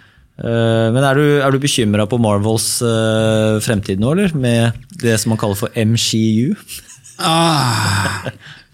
Jeg, jeg, jeg syns jo det er veldig Jeg, jeg syns jo uh, Robert Downey jr. Liksom, er jo det som har skapt Marvel i stor grad. Da, den karakteren han hadde med, med, som, som Tony Stark og Iron Man. Da. Ja.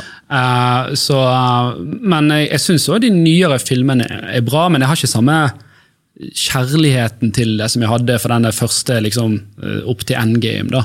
Det som kommer etterpå, Nå begynner det å bli litt sånn Her er det jo òg meta multiverse og, Ja. og, og litt sånn forskjellig. da. Men jeg syns jo det er det er veldig sånn deilig, enkel underholdning som du slipper å tenke så mye på. Og så er det liksom visuelt veldig sånn bra laget. da. Det, det underholder meg. Ja. Så det er ikke sånn at jeg syns at det, historiene her er så ekstremt gripende. Ja. Uh, da er det mange andre filmer som jeg gjerne syns er, er, er bedre, men, men, uh, men ja. Det er gøy og lett underholdning.